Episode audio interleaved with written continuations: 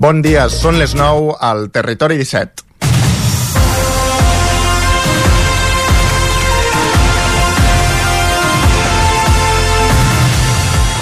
A la línia R3 plou sobre mullat. En els 10 primers dies que es va restablir la circulació després de les obres de desdoblament del tram entre Parets del Vallès i la Garriga, s'han registrat 11 incidències que han suposat talls o demores importants per als usuaris. Només hi ha hagut 4 dies 4 dies, menys de la meitat dels que han estat en funcionament, en el que no hi ha hagut cap. Això suposa un mal de cap per a totes les persones que en fan ús, sigui per anar a la feina o a estudiar. La gota que ha fet Bessalves va ser dimarts en què una avaria en el subministrament elèctric a Centelles va deixar aturat un comboi. Tres combois més es van veure afectats per aquesta avaria.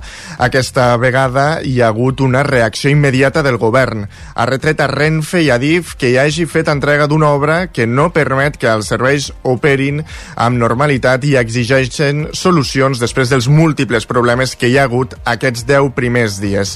Cal recordar que a l'estiu hi haurà d'haver un nou tall de la circulació en aquest tram de via i per això cal exigir que se'n faci un bon seguiment i que quan es torni a obrir tot funcioni bé. Precisament aquesta setmana hi havia una compareixença a la Comissió de Territori del Parlament de Josep Arimany, responsable de l'oficina tècnica de l'R3. Arimany va mostrar la seva preocupació perquè el traspàs de Rodalies acordat entre el govern central i la Generalitat no faci desdir al govern de compromisos adquirits per invertir a la línia. El consens que hi ha al territori es va traslladar també al Parlament, on els diferents grups polítics, a excepció de Vox i el PP, van donar suport a la feina que s'està fent per posar el dia a la línia. Com va recordar Rimany, el desdoblament de la R3 és un projecte de país que ha de servir per equilibrar el territori. És divendres 16 de febrer de 2024, en el moment de començar el Territori 17, a la sintonia de Ràdio Cardedeu, una codinenca, la veu de Sant Joan, Ràdio Vic, al 9 FM, i també ens podeu veure a través de Twitch, YouTube, Televisió de Cardedeu, el 9 TV i la xarxa més. Territori 17.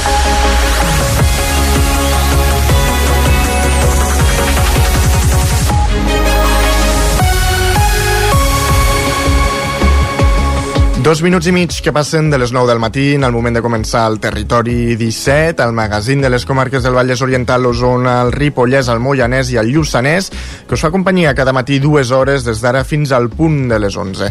Amb quins continguts? Doncs fem un petit sumari d'avui. En aquesta primera mitja hora abordarem les notícies més destacades de les nostres comarques amb connexió amb les emissores que cada dia fan possible aquest programa. També farem un cop d'ull al cel amb en Pep Acosta, el nostre home del temps, des d'Ona Codinenca, per avançar nos la previsió meteorològica i acte seguit anirem fins al quiosc per repassar les portades dels diaris d'avui. A partir de dos quarts de deu, tertúlia amb companyia de Víctor Palomar, Carles Fita i també ens acompanyarà Marc Janeres de la plataforma perquè no ens fotin el tren per parlar d'aquesta caòtica setmana de l'R3, també d'altres temes, com per exemple de la revolta pagesa, que aquesta setmana ha comptat també amb diverses mobilitzacions i talls a les principals carreteres catalanes. I un cop arribem a les 10 repassarem més notícies destacades de les nostres comarques, al temps, i serà el moment de repassar l'agenda esportiva del cap de setmana. I a dos quarts d'onze, clàssics musicals. En Jaume Espuny vindrà amb un disc sota el braç aquí a l'estudi de ràdio, l'escoltarem, el repassarem, i acabarem el programa repassant l'agenda cultural i d'oci del cap de setmana. Aquest és el menú, doncs, del Territori 17 d'avui, divendres 16 de febrer de 2024, i el començarem amb les notícies de les nostres comarques, les notícies notícies al Vallès Oriental, Osona, el Ripollès, el Moianès i el Lluçanès. Territori 17.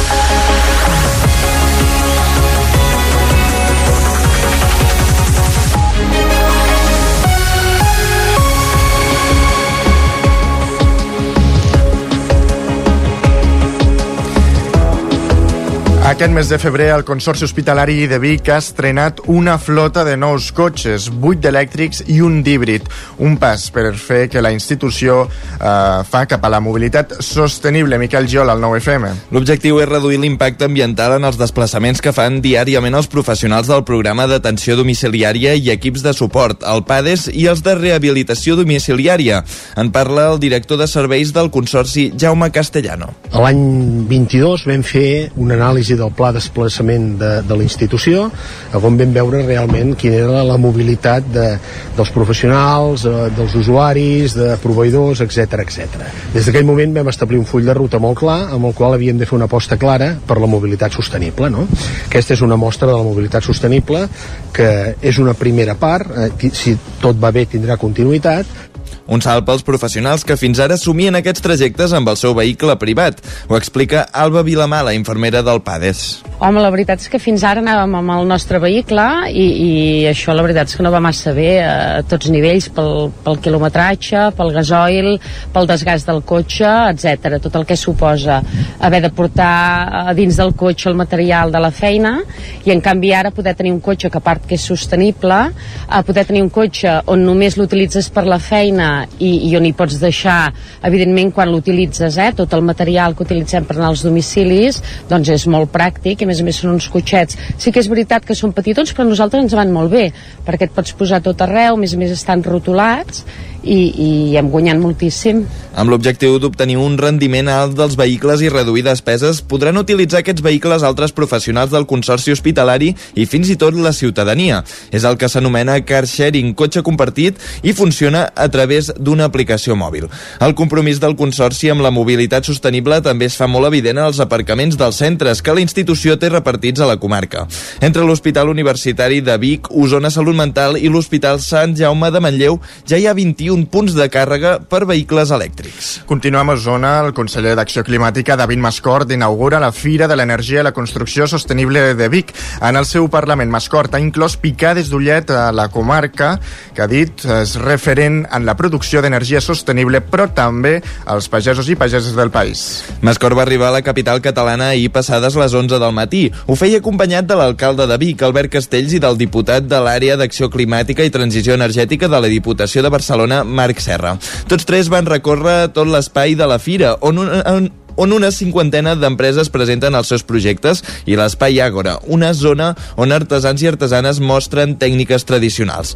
Amb la fira ja inaugurada, Mascort parlava d'Osona com una comarca referent en la producció d'energia sostenible i la bioconstrucció. I aquí, a Osona, eh, està molt bé que feu una fira com aquesta, està molt bé que la continueu fent i està molt bé que la feu més gran, perquè si a algun lloc del nostre país estan passant moltes coses a l'entorn de l'energia és a Osona eh, ja sabeu que nosaltres hem tret una convocatòria per impulsar cooperatives eh, en comunitats energètiques en forma de cooperativa al nostre país i dels 60 projectes 30 són d'Osona eh? per tant esteu fent molta feina estem fent plegats molta feina i és imprescindible que això s'estengui arreu del país com una taca d'oli en plena revolta pagesa, el discurs de Mascort va incloure picades d'ullet a la comarca d'Osona, però també als pagesos del país. El problema fonamental és que no es guanya la vida i hem de buscar la fórmula perquè es guanyi la vida, sigui posant transparència al mercat amb els preus, sigui fent que els productes que vinguin de fora compleixin les mateixes condicions que els nostres, sigui facilitant-los la vida i no posant-los més difícil des de les pròpies administracions, però al final la qüestió principal és que hem de ser capaços que es guanyin la vida i posant en valor la fusta, per exemple, per construir, eh, eh, segur que els que van a bosc, que els propietaris forestals es guanyaran més bé la vida i serà més fàcil viure arreu del país. Una de les novetats de l'edició serà la primera trobada de dones constructores, una proposta que ha de donar visibilitat al paper de la dona en el sector de la construcció. Es desplegarà avui a partir de les 4 de la tarda i reunirà a una trentena de dones dedicades a l'ofici de la construcció a Catalunya, que explicaran el seu ofici en clau femenina. Dinamitzarà la trobada l'activista i arquitecte Itziar González. Gràcies, Miquel. Les aigües termals de Caldes de Montbui tornen a ser de nou objecte d'estudi.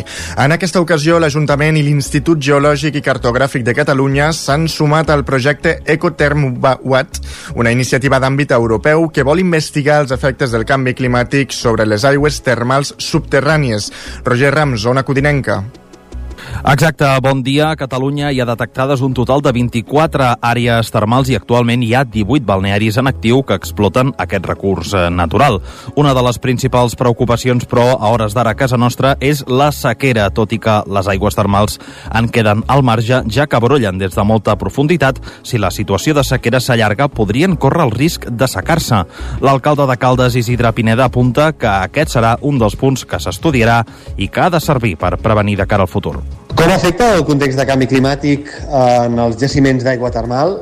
No ho sabem i per això des de l'Ajuntament de Caldes de Montbui hem tingut molt clar que aquest és un àmbit que ens interessa molt per poder prendre decisions amb molta més efectivitat, especialment en un context també de sequera eh, persistent que viu el nostre país. Per això, eh, gràcies a la relació que tenim amb diferents eh, viles termals europees, al formar part de l'Associació de Viles Termals eh, Europees i també amb l'Institut Cartogràfic de Catalunya, que és un dels líders d'aquest projecte, eh, impulsarem el projecte anomenat Termoecobat a través d'un programa de finançament europeu un altre dels aspectes que s'estudiarà en aquest projecte és l'ús de la geotèrmia, l'energia que s'obté de la calor de la Terra i que dona temperatura justament a les aigües termals. Doncs bé, aquest recurs natural pot servir també per calefactar edificis. També analitzarem i valorarem l'ús de la geotèrmia eh, que és un recurs natural que es pot extreure gràcies al poder calòric que, té, que poden tenir les aigües termals i per tant eh, serà un projecte innovador, cert, i que ens donarà cert prestigi com a municipi, però que sobretot ens ha de permetre poder eh, prendre decisions i tenir molt més coneixement de el, que representen les aigües termals de Caldes de Montbui i el context de sequera i de canvi climàtic que estem vivint. Aquest estudi és pioner en aquest àmbit, ja que mai abans no s'havia estudiat l'impacte del canvi climàtic sobre les aigües termals. Tindrà una durada de dos anys fins al 2026 i compta amb dos milions d'euros de pressupost provinent d'institucions públiques i privades. Caldes forma part d'aquest projecte d'àmbit continental, ja que és un dels membres de l'Associació de Viles Termals Europees. De fet, n'ostenta una de les cinc vicepresidències. Gràcies, Roger. Canviem de qüestió, però no de comarca. L'Ajuntament de Sant Antoni de Vilamajor aprova definitivament l'entrada en vigor de la Carta de Serveis de l'Àrea de Benestar i Família del Consistori. Enric Rubio, Radio Televisió de Cardedeu. Així és, fa pocs dies entrava en vigor la Carta de Serveis de Benestar i Família de l'Ajuntament de Sant Antoni de Vilamajor, després de la seva aprovació definitiva, un cop transcorregut el termini d'informació pública i la publicació d'aquesta en el butlletí oficial de la província de Barcelona. Tal com diuen des de l'Ajuntament, amb aquest fet persegueix la seva aposta en l'elaboració de les cartes de serveis, amb l'objectiu de millorar contínuament els serveis precisament a través dels seus compromisos de qualitat i en la rendició de comptes envers la ciutadania va ser durant el mes d'octubre de 2023 que es va dur a terme aquesta anònima avaluació per tal de poder treballar en la carta i definir-ne els compromisos a través de les respostes i les aportacions de les persones usuàries. De fet, la carta de serveis de l'àrea de benestar i família es pot consultar a l'apartat específic de la web municipal amb les cartes de servei de l'Ajuntament de Sant Antoni de Vilamajor, juntament amb la carta de l'Oficina d'Atenció a la Ciutadania, la qual va entrar en vigor l'any 2022. Gràcies, Enric. Tornem a Osona perquè Josep Maria Viladabadal, exalcalde de Vic, s'ha afiliat a Convergents, el partit que lidera l'exconseller Germà Godó, Miquel. Així ho, ha fet, així ho ha fet públic aquesta formació. Viladabadal va ser l'alcalde de Vic entre 2007 i 2015 i també el primer president de l'Associació de Municipis per la Independència, entitat que va impulsar. Militant d'Unió Democràtica, partit amb el que va arribar a l'alcaldia Vic l'any 2012, es va, es va enfrontar al llavors líder democristià Josep Antoni Duran i Lleida i va abandonar el partit per discrepàncies amb la línia política. Del 2010 al 2012 havia estat diputat de la Convergència i Unió al Parlament, sent encara alcalde de Vic eh, i amb altres exmilitants d'Unió Democràtica, el 2013 va formar el Moviment Demòcrata Català. Més recentment ha encapçalat País Rural, un moviment ciutadà i d'organitzacions vinculades al món rural. Gràcies, Miquel. Deixem la política i obrim ara plana cultural. El Carnesoltes de Ripoll comptarà amb 14 grups inscrits i la celebració del 25è aniversari de la ruta hippie.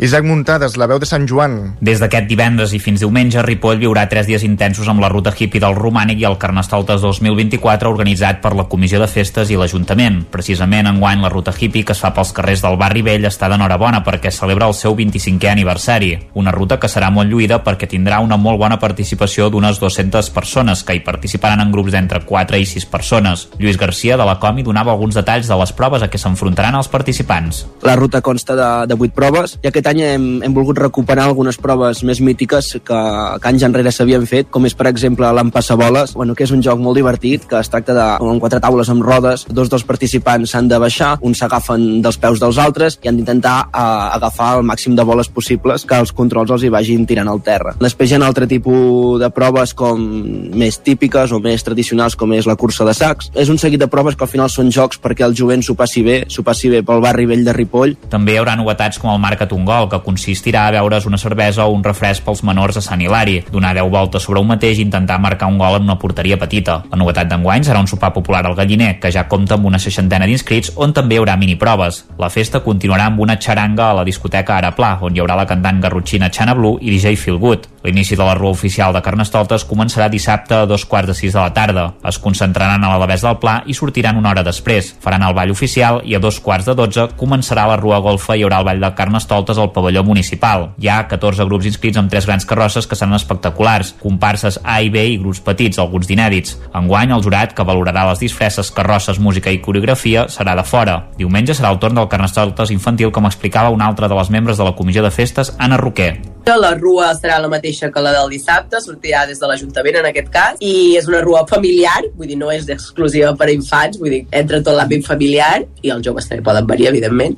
I després acabarem també un altre cop al pavelló, on hi haurà anima animació infantil amb els superherois, que és un grup ripollès. Bàsicament, és tranquil que la de dissabte i la de divendres, però al final igual d'animada. I... Cal destacar que aquesta és la primera gran festa de la Comissió de Festes des que va agafar el timó l'estiu de l'any passat.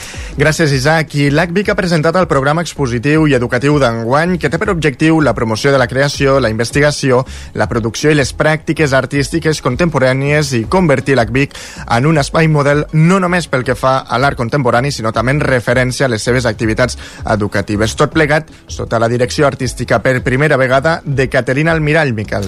Entendre les pràctiques artístiques com un organitza viu com un, un organisme viu que té el potencial de transformar-se i de transformar-nos i del que, per tant, cal tenir-ne cura. Tenir cura del context de les persones de l'ecosistema en un sentit ampli. És la línia de treball de la nova etapa que enceta l'ACEVIC, amb Caterina Almirall com a directora artística, i ho reflecteix per a, perfectament estructures de suport per a criatures vulnerables, l'exposició col·lectiva de set artistes diferents amb la que el Centre d'Arts Contemporànies obrirà aquest camí a partir de demà trobem dibuix, trobem instal·lació, trobem vídeo, uh, trobem uh, escultura, um, i cadascuna de les artistes a la seva manera ens estarà fent esment d'aquesta idea del tenir cura, no? del tenir cura dels materials, del tenir cura de l'espai, on som, com ens relacionem, de què estem parlant. Això ens fa pensar també les pràctiques artístiques contemporànies com algo eh, que és un espai d'aprenentatge, és un espai viu, és un espai d'experimentació,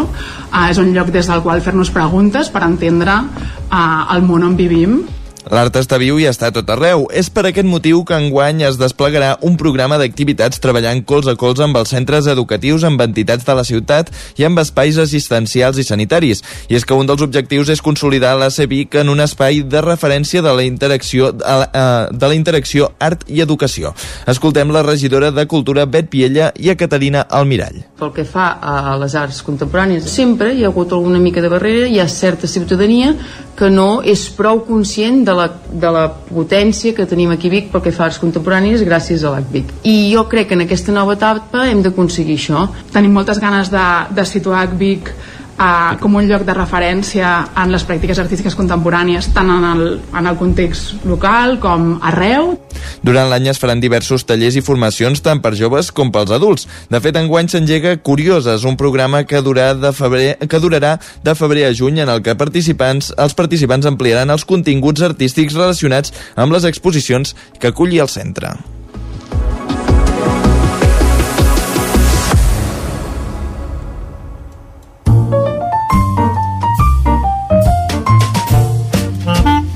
Casa Terradellos us ofereix el temps. Doncs acabem aquí aquest repàs informatius i ara és moment de saludar el nostre home del temps, en Pep Acosta, dona Codinenca. Bon dia, Pep. Hola, què tal? Molt bon dia. Per fi són divendres, per fi arriba el cap de setmana. Atenció a la dada, eh, perquè som ja al penúltim cap de setmana del mes de febrer. Mm, vull dir, Uh, s'està acabant el mes de febrer, s'està acabant l'hivern, un hivern que per cert no, no, no l'hem ni vist gaire bé. Uh, per això, uh, situació uh, molt, molt greu uh, de sequera, situació molt greu de canvi climàtic. continuem amb, les mateixes, amb la mateixa situació.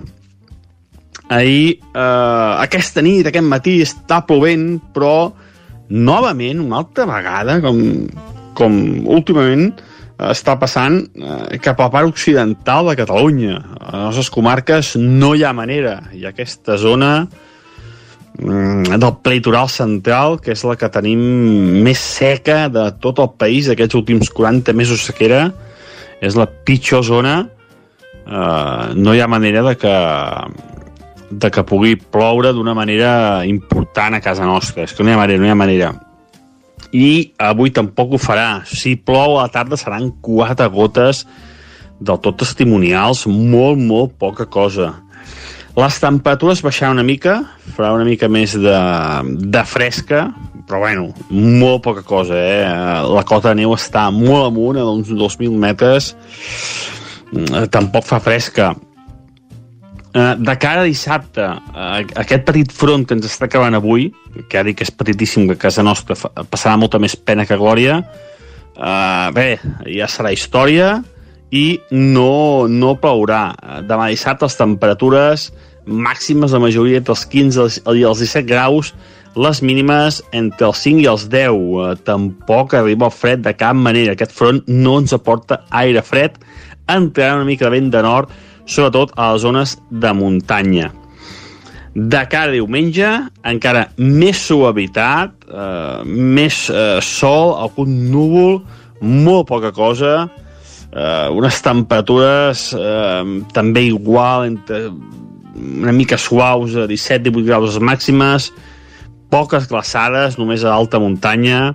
En definitiva, continuem amb aquest panorama de poc hivern, de gens de pluja, i, i no es veu cap canvi important eh, en lloc, eh? no es veu ni un, ni un canvi eh, important que ens pugui afectar durant els pròxims dies. La setmana que ve pot ser una mica més moguda, sembla que passaran més fronts, eh, però bueno, eh, no solucionarem el problema ni de bon tos. En definitiva, aquesta tarda poder quatre gotes, molt poca cosa, i de cara a demà diumenge eh, suavitat de temperatures, quatre núvols, cap precipitació i una mica de vent de nord cap al nord del Pirineu, a les zones més altes del Pirineu.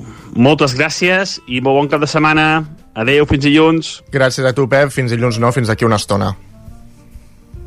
Casa Tarradellas us ha ofert aquest espai. I el que fem ara al Territori 17 és anar cap al quiosc.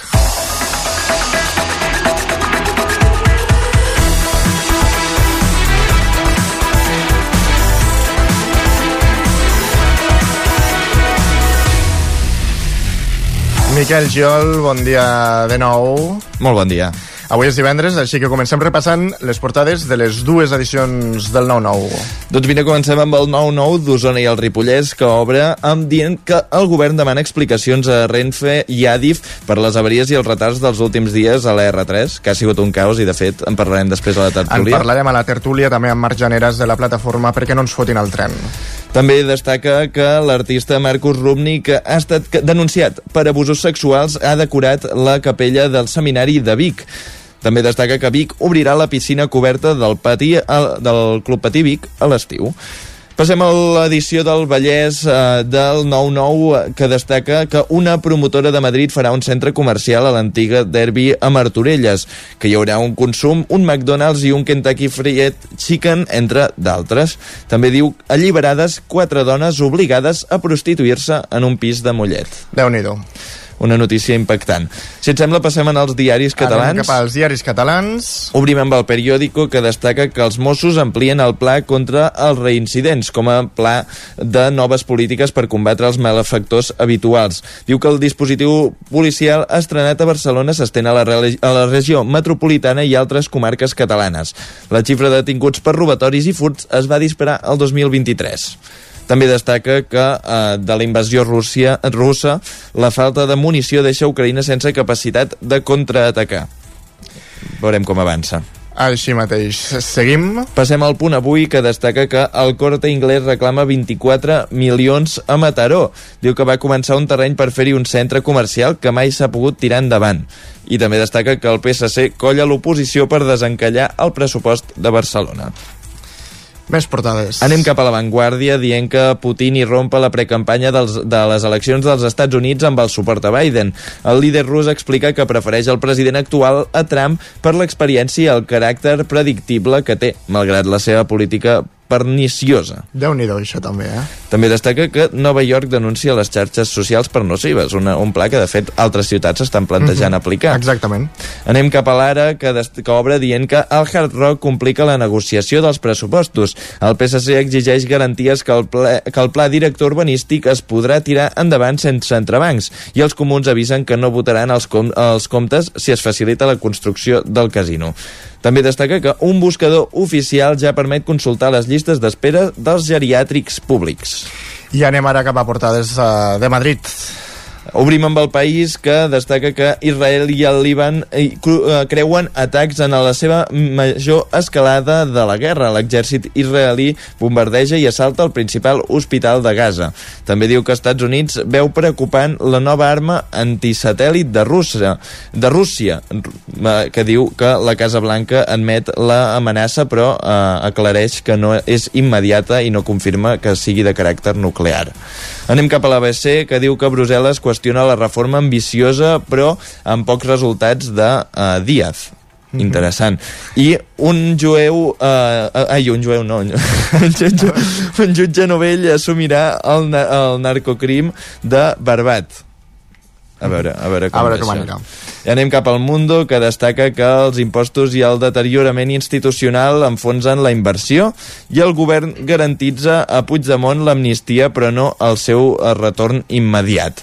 I acabem amb la, amb la Razón, que destaca que Felip VI ha firmat la seva primera reforma constitucional, que és l'article 49, que sanciona la tercera modificació de la Carta Magna, que suprimeix el terme disminuït. I per acabar, diu que Mbappé dona el pas definitiu anunciant eh, el, el, el PSG que marxarà a final de temporada. I potser anirà cap a Madrid. Això diuen. Doncs gràcies, Miquel. Aquestes són les portades que ens trobem avui als diaris. Nosaltres fem una petita pausa de 3 minuts i, torta, i tornem aquí al territori 17 amb la tertúlia amb Víctor Palomar, Carles Fiter i Marc Janeres per parlar sobre les qüestions de les nostres comarques fins ara. El nou FM, la ràdio de casa, al 92.8. Cobertes serveis funeraris. Els nostres tanatoris estan ubicats en els nuclis urbans més poblats de la comarca d'Osona per oferir un millor servei. Tanatori de Vic, Tanatori de Manlleu, Tanatori de Centelles i Tanatori de Roda de Ter. Sabem que són moments difícils i per això el nostre compromís és atendre-us en tot moment amb un tracte humà, sensible i respectuós. Cobertes serveis funeraris. Telèfon 24 hores 93 883 23 46. La qualitat de les teves impressions és important per tu? Estàs cansat que els colors i les imatges no surtin com t'esperes? A Impremta Mater disposem de la tecnologia més avançada i els millors professionals per aconseguir impressions d'alta qualitat. Fem tota classe d'impresos amb acabats professionals. Llibres, catàlegs, revistes, tesis, calendaris, enquadernacions... I, a més, disposem del servei d'impressió digital en gran format. Roll-ups, lones, pòsters i molt més. Impremta Mater. Ens trobaràs a la carretera de Sant Hipòlit 23 de Vic o impremtamater.com. T'imagines un programa de política, d'economia, feina... Doncs ja te'n pots oblidar. Quin tinglado! Un programa d'entreteniment, actualitat, cultura i molt rigorós. Amb Bata Serrat, Miquel Giol i Eudal Puig. Un programa que no passarà a la història i que tampoc guanyarà cap ondes. No ens flipem. Escolta'l cada dijous en directe de 8 a 9 del vespre al 9 FM. Ai, ai, ai, quin tinglado! Cocodril Club. Si t'agrada la bona música dels anys 60, 70 i 80, escolta el 9 FM als matins de dissabtes i diumenges d'11 a 1. És el temps del Cocodril Club, tot un clàssic de la ràdio, amb les bases del pop-rock, les llegendes, les cançons que s'han convertit en autèntics himnes. Recorda, dissabtes i diumenges al matí, d'11 a 1, al 9 FM 92.8. Cocodril Club, el programa revival de l'Albert Malla. Hasta cocodrilo. Ei, però què fas, nen? Què passa, bro? Per què em crides? Que les llaunes, brics i envasos de plàstic van al groc. Ah, esclar. Reciclar és massa evident per no fer-ho. Les llaunes, brics i envasos de plàstic, el contenidor groc o el cubell del porta a porta. Generalitat de Catalunya. Sempre endavant. Menja ràpid, menja fàcil, el trinxat de les Cerdanyes, tio Carlit. Mmm, boníssim! Trinxat Carlit, 100% natural, fet cada dia a Puigcerdà i a punt en un minut. Encara et preguntes com t'ho faràs perquè els nens mengin verdura? El trinxat de les Cerdanyes, tio Carlit. El nou FM, el nou FM, el nou FM. Són dos quarts de deu del matí.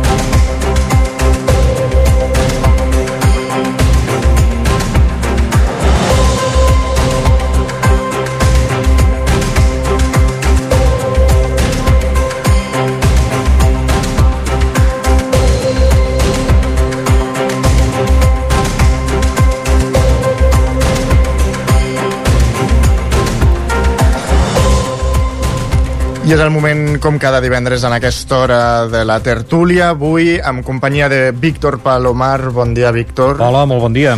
I Carles Fite, que ara s'incorporarà aquí als estudis del nou FM.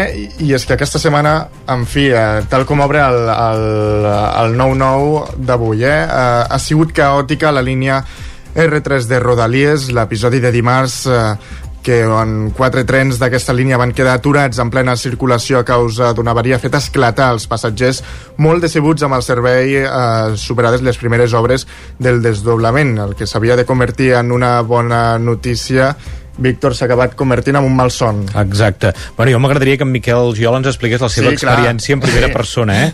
No, bueno, jo, jo vaig tenir... Jo dimarts, el dia que va, se suposa que va ser el dia més, més greu de tot plegat, que hi va haver-hi la caiguda aquesta detenció, que tant se n'ha parlat dels d'això, anava a Barcelona, i ara només d'entrada, eh, bueno, vaig anar a buscar el tren als hostalets de Balanyà a les dues, havent de ser dos quarts de cinc a, a Barcelona, i, i per anar des, del- dels hostalets a Centelles ja vaig estar una hora. Mm. Després, eh, a Barcelona vaig arribar a les 5, o sigui, vaig arribar tard al meu compromís, no em va servir de res l'estona d'espera i només vaig arribar al final del meu compromís que ja vaig haver de tornar avall i de baixada va caure la tensió. Vull dir que vam tenir una tarda llarga i, i sis hores de per anar i tornar de Barcelona. escoltàvem testimonis aquesta setmana i clar, ens deien que tot empeny a que, a que la gent no utilitzi el tren, no? Perquè si tu tens uh, feina, uh, la feina els hi pots donar l'excusa o, o, o explicar-los que el funcionament del tren és tal i que, i que no te la pots jugar eh, i que, bueno, que no hi pots fer res que quan el tren va tard eh, i o sigui que, clar, la feina no ho pots fer constantment com passa amb aquests retards i aquestes avaries i això genera un estrès per la, per la gent de, de saber que, que no arribes a la feina que, que, que arribes tard has d'agafar un tren per anar molt d'hora per tenir aquest marge de seguretat però és clar, això no és lo, el, el que seria òptim. I, i, aquesta, i la veritat és que és això que, que en 10 dies, a mitja setmana que això va ser el dimarts, que portàvem 10 dies en què s'havia obert la línia hi havien hagut 11 incidències 11 avaries en què havien provocat retards i problemes amb els, amb els passatgers. Clar, això és un servei pèssim. Uh, què ha passat? Uh, jo crec que uh, explicaven des de la companyia doncs que ja anaven més lents els trens durant a, en el tram aquest en què s'ha fet les obres de desdoblament perquè la via doncs, s'ha s'ha d'adaptar uh, però és clar tu quan entregues una obra s'ha de donar el 100% o si més no has d'explicar que el servei no podrà ser l'òptim i doncs no ho sé, bonifiques d'alguna manera a la gent perquè tingui un atractiu anar-hi. Bueno, si agafeu el tren ara està bonificat, és molt més barat i per, hi ha un risc que, que potser potser no, no acabi de funcionar al 100%, però és clar, la gent que fa aquesta aposta per al transport públic, que fa aquesta aposta pel tren, eh, torna doncs això a, a, a topar amb els mateixos problemes de sempre aquest rum-rum aquí eh, quan, quan parles de Barcelona que vens d'Osona eh, i que apostes pel transport públic ja ve el, el debat aquest de l'R3 i després també hem de parlar perquè ens ho comentaven molta gent perquè com que la incidència o amb el major pas de convois és entre Osona, el Vallès eh, eh, uh -huh. les comarques aquestes on estan més poblades però després també ens deien els del Ripollès alerta, que a vegades no se'ns té en compte, però també són molts usuaris de, de l'R3 que venim del Ripollès cap a Osona o cap a Barcelona i que doncs, eh, encara es perjudica molt més, perquè aquests dies a vegades no parlàvem que hi havia avaries o que hi havia incidències i els retards dels trens que venien de Puigcerdà eh, cap aquí, que per tant eren els que utilitzaven els veïns del Ripollès, també ho pateixen amb escreix. Mm, és, és un... I, I la diferència en aquesta vegada és aquest posicionament que ha sortit el govern eh, molt ràpidament perquè sembla que quan hi havia avaries amb altres línies eh, s'encenien totes les alarmes i amb l'R3 com que ja es donava per fet i tampoc no té el, bueno, ja la xifres, normalitat del servei no? exacte, i en xifres de passatgers doncs, que no són tantes com les que poden tenir algunes més properes a l'àrea metropolitana ja no se'n parlava, però aquesta vegada sí que hi ha hagut aquesta reacció ràpida del govern a demanar explicacions a Renfe i a DIF que no sé si serà efectiu o no serà efectiu però si més no hi ha hagut aquesta sortida eh, ràpida ràpida demanant explicacions que participin en una reunió també amb alcaldes i amb, i amb entitats d'usuaris per donar aquestes explicacions. Explicacions perquè, com deies, eh, pel fet d'haver entregat una obra que no permet eh, que el servei operi amb, amb, amb normalitat. Exacte. No? Normalment no, no, no es fa la recepció d'una obra fins que, fins que tot funciona a la perfecció i en aquest cas doncs, eh, bé, s'ha donat per entès i sense explicar-ho doncs que no podien tenir els convois aquesta velocitat eh, sinó que, bueno, que havien d'anar una mica més lents. També ha coincidit aquesta setmana, eh, n'informàveu també doncs, aquesta compareixença al Parlament, a la Comissió de Territori de, de l'oficina de l'R3, hi havia Josep Arimany com a màxim responsable que va compareixer també per donar explicacions i explicar tota la feina que s'ha fet i intentar buscar un consens que es va aconseguir de tots els partits polítics de la importància que la, que, que el traspàs de Rodalies, hi ha hagut aquest temor que el traspàs de Rodalies acordat pels partits polítics amb aquesta negociació per la investidura de Pedro Sánchez que suposés una marxa enrere o que s'oblidessin eh, aquests compromisos d'invertir a la línia R3 doncs que ara no s'aturés aquest desdoblament que estava pactat i que continuessin les obres.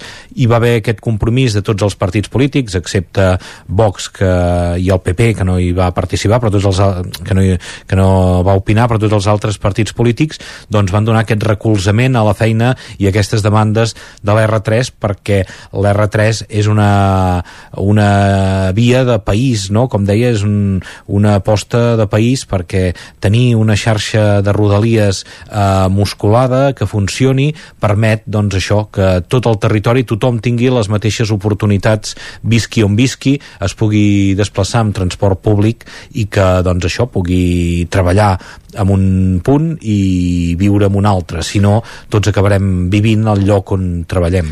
Bueno, de fet, és el, el que deies que és la línia que enllaça Catalunya amb França i per tant eh, és, és una línia internacional. Exacte, és una línia internacional, a vegades no ens ho sembla perquè nosaltres no l'utilitzem com a línia internacional, però sí, sí, és una línia internacional que de fet, si segueixis, no sé quan arribaries, però arribaries a, a París. Eh, ho comentem moltes vegades, que tenim ganes de fer aquest experiment, de, de veure què trigaríem per anar, per anar a París. Ja a França aposten molt per aquest tren nocturn que, que es puguin fer aquests desplaçaments, que amb tren és més ràpid que, que eh, amb tren és més lent que, que amb avió, però a vegades aprofitant la nit amb aquests trens nocturns en què es pot dormir, fer nit i poder fer aquests desplaçaments eh, a llarg.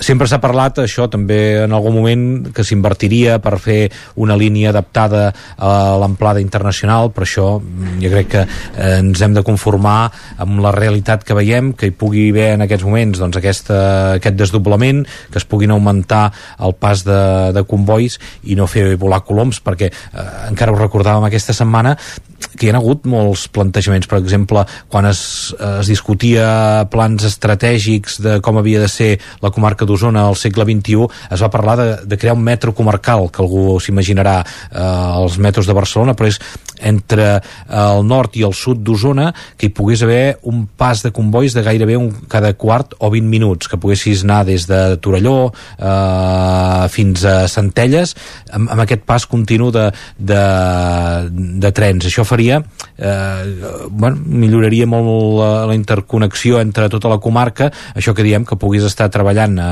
Vic i viure a Torelló, eh, et poguessis desplaçar aquí, el, el, el nombre de vehicles es reduiria d'una forma eh, brutal, perquè imaginem això, eh, que cada 15-20 minuts o cada mitja hora, bueno, cada 15-20 minuts eh, era l'aposta i pogués haver aquest pas de, de trens que anessin amunt i avall per aquest tram de la comarca d'Osona, la gent no, que viu a Torelló o Manlleu i que venen a treballar a Vic, és que no agafarien el cotxe per res, si un cop a Vic no, no s'han de, de moure.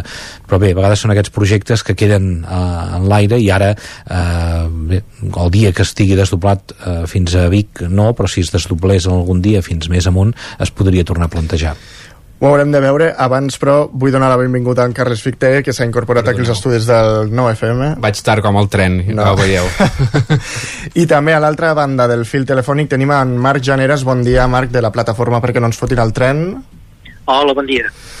Ara estàvem parlant eh, uh, d'aquest uh, malson en què s'ha convertit aquests primers dies de, de l'R3 no sé, des de la plataforma de perquè no ens fotin el tren com eh, heu viscut aquests primers 10 dies?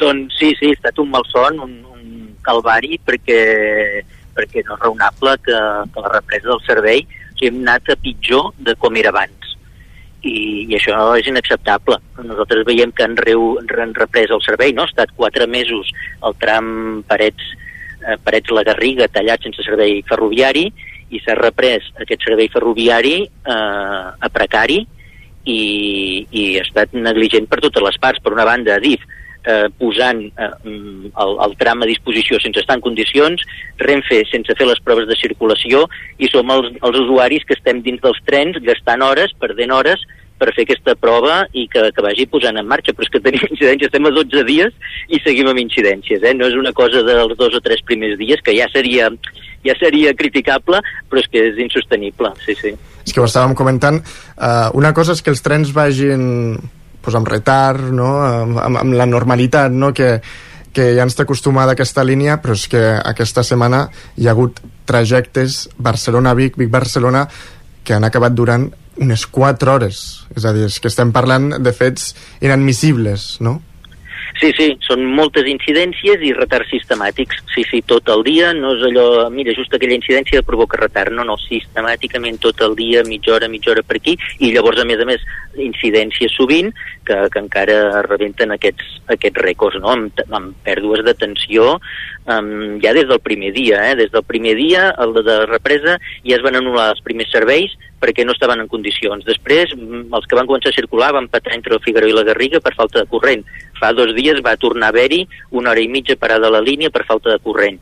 No, no, incidències molt greus que, que ostres, manifesten una, un, una negligència per totes les parts. A dir, Renfe i la Generalitat que ha de vetllar i, i, i ha de monitoritzar això i, i exigir no ha estat fins al cap de 10 dies d'insistir nosaltres que, que, comença, que comença a moure's i no, no podem anar a aquest ritme. De fet, ara ho dèiem, eh, també, que la Generalitat ha retret a Renfe i a DIF que hagin entregat una obra que, en fi, no permet que el servei operi amb, amb normalitat. Exacte, però jo no entenc com la Generalitat no exigeix aquests certificats. Eh, a dia 1 de febrer, certificat de DIF conforme l'obra està en condicions per circular el tren i en quines limitacions de velocitat.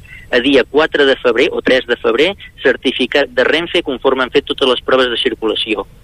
Aquests certificats on són? Tot aquesta, aquest rigor, ostres, exigir-lo al cap de 10 dies, ostres, anem tard.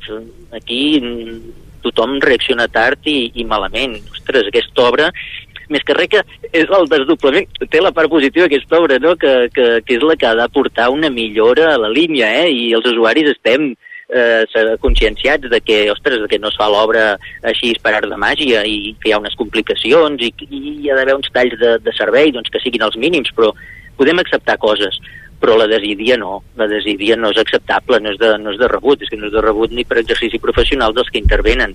No pot ser aquesta manera de funcionar. I tenim anys per endavant d'obres, aquesta mateixa obra de 18 quilòmetres d'aquest tram, ja es parla d'un segon tall encara més llarg, fins al 2025 no entrarà en servei, no podem estar anys eh, així a precari en aquesta situació. Sembla que això d'anar amb tren i utilitzar l'R3 sembla un tema de militància, eh? perquè sembla que posen tot en contra perquè algú agafi el tren. Eh, O, o ets militant o no tens altra alternativa, perquè eh, amb la constant problemes que, que hi ha havent i tot el, el que ara, el, el panorama que presentaves, és, eh, és allò de dir, ostres, eh, ens ho posen molt difícil eh, per, per agafar el tren.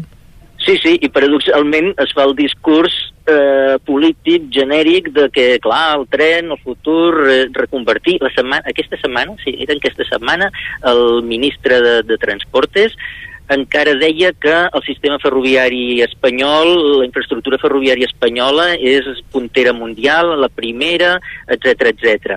Quan deia la lletra petita parlava de l'alta velocitat, però, però clar, com podem estar fent aquests discursos de, de, de cofoisme si un servei bàsic per la gent del dia a dia, d'anar a la feina, d'anar als estudis, realment el que condiciona l'economia del país, de que, de que això sigui mínimament productiu o siguem tots una, una colla d'improductius, doncs es pugui fer aquest discurs cofoista amb aquest, amb aquest mal funcionament de Rodalies. No, no, no entenem eh, en quin món estan, perquè diuen una cosa i executen l'altra. I Marc, no sé si sou més optimistes eh, ara que es parla tant del traspàs de Rodalies, a vosaltres eh, això us dona certa esperança amb, amb, la, amb la línia ferroviària de Catalunya o, o no ni una cosa ni l'altra esteu expectants de quan passi o què passa? Uh, sí, eh, estem tan escamats que espe- uh, la posició seria aquesta més expectants, perquè a priori sí que, que, que, que és positiu, defensem així, que la gestió d'un servei de rodalies, bueno, del, del servei que sigui, uh, si és des del propi territori en què fa servei, doncs sempre és més escalada, sempre és una administració més, més a l'escala de, de les necessitats de la, de la societat, etc etc. Per tant, a priori és un plantejament que, que, que hem defensat i defensem i ens sembla positiu, però clar, la clau és com s'ha de fer això. Si és per seguir eh, perpetuant aquesta desídia, doncs tant és d'on vingui. El que ha de servir és per un canvi de mentalitat de dalt a baix, no? Mm, Del traspàs, potser la concreció del, del que s'ha sabut fins ara, que és, que és poc, eh, d'aquesta creació de- d'empresa de, mixta de rodalies.cat, ostres, el, el principal és l'esperit empresarial amb què s'ho prengui aquesta empresa. O sigui, si és, mira, jo moc uns trens i, i, i ja està, i la meva obligació és moure trens, o és realment una vocació de servei de, a l'usuari, que Ja. tot rutlli, anticipar-se als problemes, a informar, a, a tenir realment l'usuari al capdavant. Aquest és el gran canvi que ha de fer Rodalies. I això, mm, això exacte, ningú ho està garantint ara per ara. En, en, la, en la compareixença que hi va haver a la Comissió de Territori aquesta setmana al Parlament, Josep Arimany, responsable de l'oficina de la R3, eh, mostrava el seu temor a que aquest traspàs de, de Rodalies no suposi una marxa enrere d'algunes inversions compromeses per al Ministeri. Vosaltres també compartiu aquest temor? Esperem no haver de patir per això, perquè, clar, portem dècades eh, reivindicant això, el Ministeri està fent valdre cada dia sí, dia també, que aquest pla de rodalies vigent, 2020-2030, és el primer que es compleix, que s'estan executant les, les inversions, etc etc i que abans de que acabi el pla això ja no valgui, totes aquestes declaracions ens semblaria, bueno, absolutament lamentable. Per tant, esperem no haver-nos de preocupar per això, però, però exacte, garantit no hi ha res perquè, perquè exacte, es va fent mm, mica en mica, pas a pas. En aquest sentit eh, ens alegrem i, i lligat amb això del traspàs de Rodalies eh, l'oficina tècnica de l'R3 ha estat un exemple de que una oficina creada des d'un territori ha set la primera capaç de fer un plantejament de futur per la R3, realment lligada al territori, no parlant de la infraestructura perquè sí, sinó partint de dir, ostres, quin servei ha de donar i d'aquí derivar doncs, quines millores cal. Ha fet l'exercici eh, que fa 10 anys que esperem que, que hagués fet Ministeri i Generalitat a tots els competents en Rodalies. Per tant, ostres, això ha estat molt positiu i pensem que ara l'oficina ha de fer això, vetllar perquè aquestes obres, vetllar tècnicament perquè aquestes obres no eh, s'executin bé, s'executin eh, mantenint un, un bon servei, bueno, un, és que ja no és un bon servei, mantenint un, un servei mínimament funcional i mínimament digne, perquè estem per sota d'això. Marc Generes, uh, gràcies uh, per acompanyar-nos avui aquí al Territori 17. Moltes gràcies a vosaltres. Bé, uh, a mi m'agradaria acabar la tertúlia parlant uh, sobre un altre tema que, de fet, no sé ben bé com qualificar-lo, si de notícia curiosa, si de fet lamentable, i és uh, perquè hi ha una empresa de Caldetenes que, uh, en fi, ha patit un ensurt de pel·lícula, Carles, dos encaputxats, i van entrar... Tres, tres. Tres, eh? Sí. Uh, tres encaputxats i van entrar a punta de pistola buscant-hi marihuana. Correcte. A veure, uh, explica'ns què, què, què ha passat aquí. És complicat. A nosaltres ens arriben sempre moltes notícies i a vegades, òbviament, hem de destriar què és cert i què no. I en aquest cas, eh, doncs vam a trucar a Mossos, com fem habitualment, i aquí, en aquest cas, hem pogut parlar amb la família afectada. Això és una empresa familiar eh, de neteja de Call d'Atenes, que hi havia les, diguéssim, les dues dones de la família que estaven fent paperassa al despatx i els hi van entrar tres encaputxats a crits i amb una arma que era un revòlver, no sé si era simulat o de fogueig, és a dir, si era de veritat uh -huh. o de mentida, amb crits al suelo al suelo i buscant eh, a veure si hi havia eh, aquesta suposada plantació de marihuana. Eh, sortosament la filla eh, va pensar que eh, hi havia que més d'enrere els veïns de la zona havien denunciat als Mossos, havien avisat als Mossos perquè sentien pudor de, de marihuana a, uh -huh. a, en una zona propera. I efectivament on hi havia la marihuana, tot apunta i així eh, és a dir, segurament i molt probablement és que a la nau del costat hi ha una plantació de marihuana. De fet sabem i hem vist que els Mossos ho ha precintat i aquests lladres bàsicament es van equivocar de lloc. Això no treu, òbviament, que aquesta família hagi passat un ensurt eh, de pel·lícula i tinguin una por de, de Déu, parlant clar, eh, perquè els hi van entrar allà dins i pensem que hi havia una mare, una filla i el net i, i fill de, diguéssim, d'aquesta família, que és un, un nen de dos mesos, pobre, i clar, eh, molt espectacular, ells no s'ho esperaven, però sort que, diguéssim, eh, una de les afectades va poder lligar caps i dir que, que no, que s'havien equivocat, però a més a més és que van marxar i els van dir, bueno, uh, si és mentida tornarem. Imagineu-vos vosaltres la por... Bueno, és que perdona, que t'entrin amb, a punta de pistola, és a dir... I tapats ostres. i tot. I, a més a més, els Mossos sempre ens ho han dit, no?, que quan hi ha, quan hi ha plantacions de marihuana, penseu que um, cada vegada n'hi ha més d'indoor. En comarques com el Vallès Oriental s'acostumen a col·locar a prop de l'AP7 perquè és una via de sortida però aquí Osona n'hi poden haver tant en industrials com, uh, com jo que sé, masies. I per exemple aquí a Osona doncs, hi havia un polígon industrial amb, un, amb una nau industrial de Call d'Atenes. Uh, clar, això vol dir que, que, que suposa que hi hagin doncs, el frau elèctric, vol dir que punxin la llum, això vol dir que hi ha un risc d'incendi perquè es genera molta, es necessita molta energia per abastir aquestes plantes i els delictes que a més a més hi ha doncs, són aquests, els que es va trobar per exemple aquesta família, robatoris, lesions i fins i tot anant ja amb casos més extrems d'homicidis uh, i en aquest cas van pagar justos bueno, van, no van pagar bueno, van pagar justos per pecadors perquè aquesta família no hi tenia res a veure i es van trobar allà amb tres homes que els hi van esbutzar la porta del garatge amb un cotxe robat també a Call d'Atenes i un quart uh, i una quarta persona que els esperava per fugir i van estar pocs minuts però clar, el susto que es van endur uh, és important i no ens ho van dir van ser minuts, poder un o dos minuts però se'ns va fer etern no, ja. que és un horror i aquests encaputxats què? aquests encaputxats els està buscant la policia. El que sabem fins ara és que els Mossos que els Mossos tampoc no es proporcionen gaire uh, informació perquè ara s'està bueno, investigant. Sí, clar, sí. Sabem que hi ha una persona detinguda amb la relació d'aquests fets que tot apuntaria que seria una de les persones que es cuidava, diguéssim, de la plantació de marihuana de la nau del costat. Els tres encaputxats més el conductor que estava fora eh, els estan buscant. Pensem també que hi havia càmeres de videovigilància que això sempre ajuda.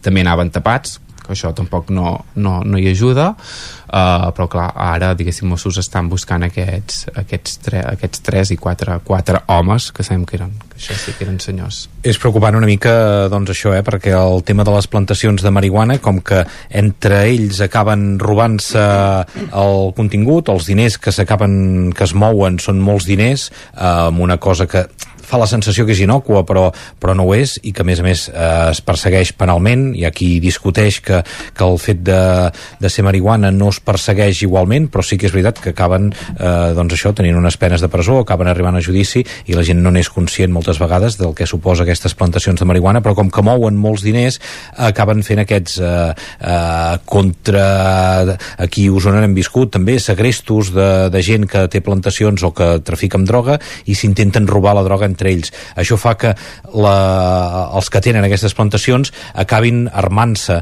i cada cop és més violent i els Mossos ho denunciaven dient que després, quan ells fan una operació per, perquè han tingut la denúncia i van intentar detenir aquestes persones, com que els que fan els atracaments moltes vegades s'identifiquen com a policies, hi ha un risc molt elevat de, de fins i tot per, al, per als agents. I bé, per qualsevol persona, saber que aquests, aquestes persones tenien una plantació de marihuana al costat on eh, les persones que ho portaven saben que, que l'han de protegir perquè pot venir algú a robar-los eh, s'acaben armant aquestes persones i doncs no fa cap mena de gràcia no? no... Això crea un clima d'inseguretat bueno, en fi sí, sí, sí, sí.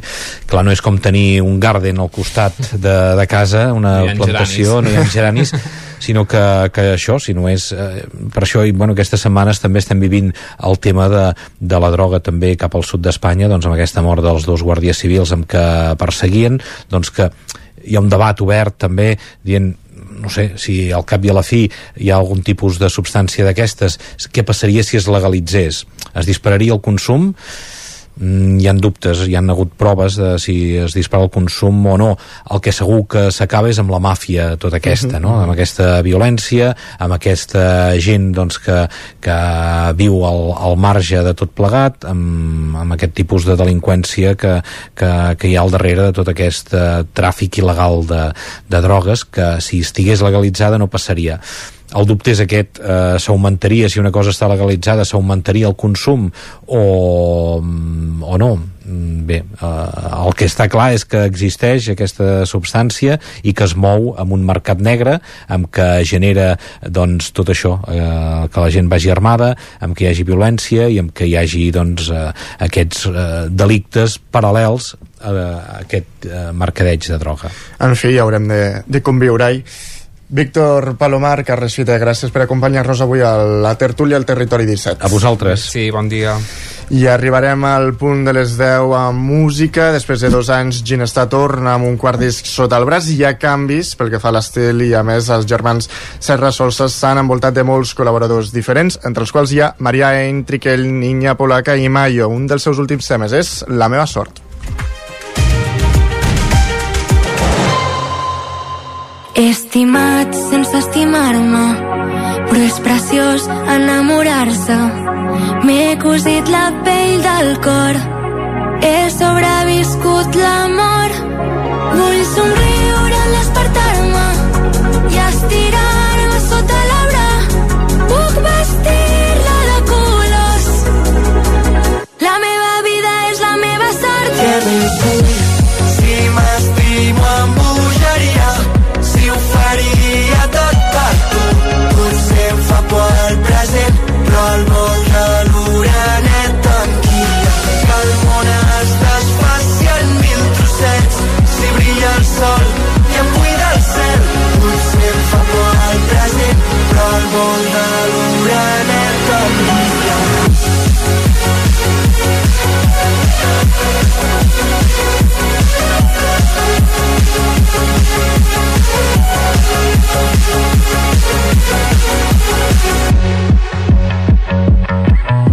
deixar-te abandonada. Vida meva.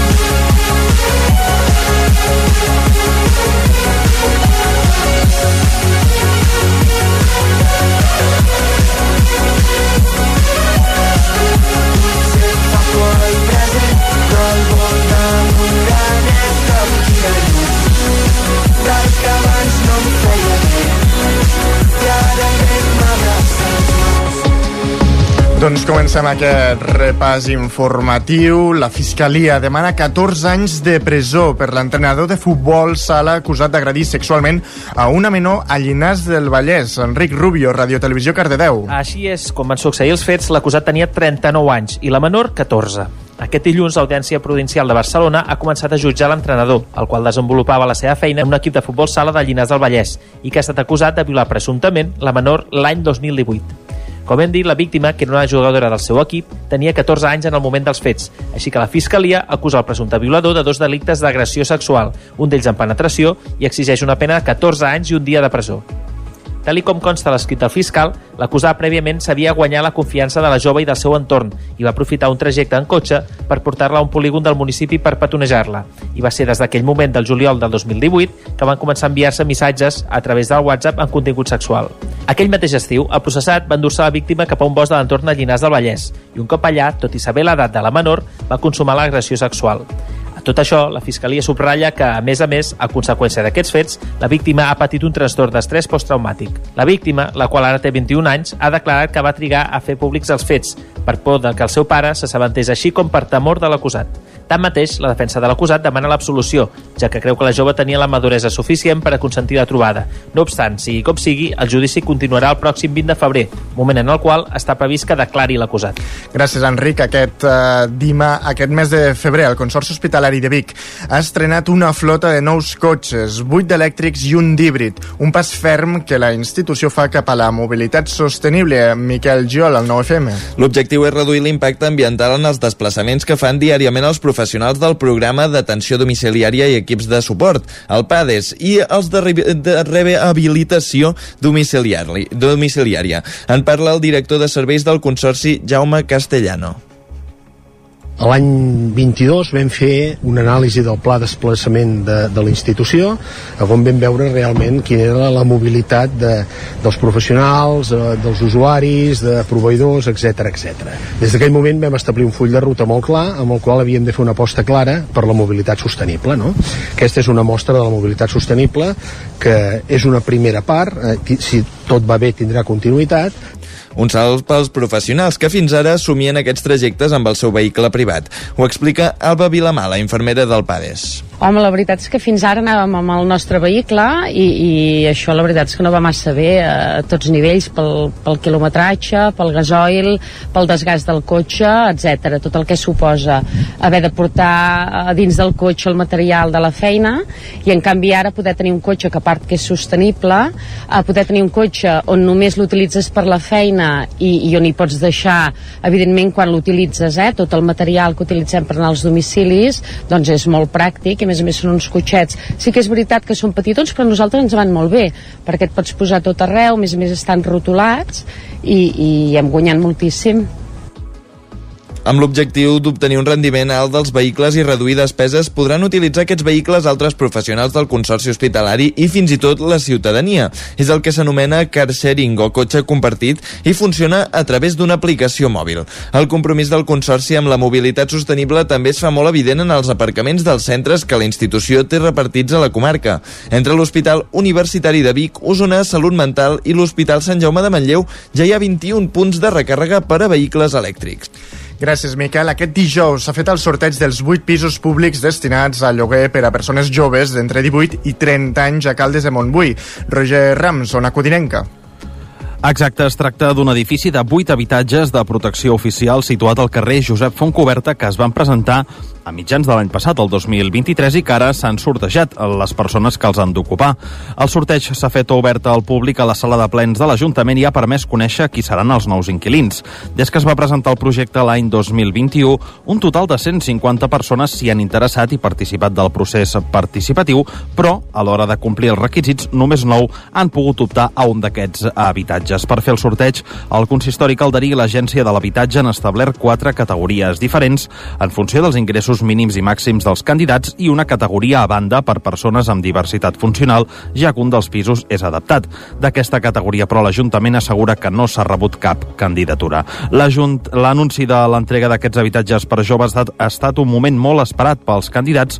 Un cop s'han fet públics els noms i s'ha sapigut quin habitatge s'ha assignat a cadascun, l'alegria ha estat màxima.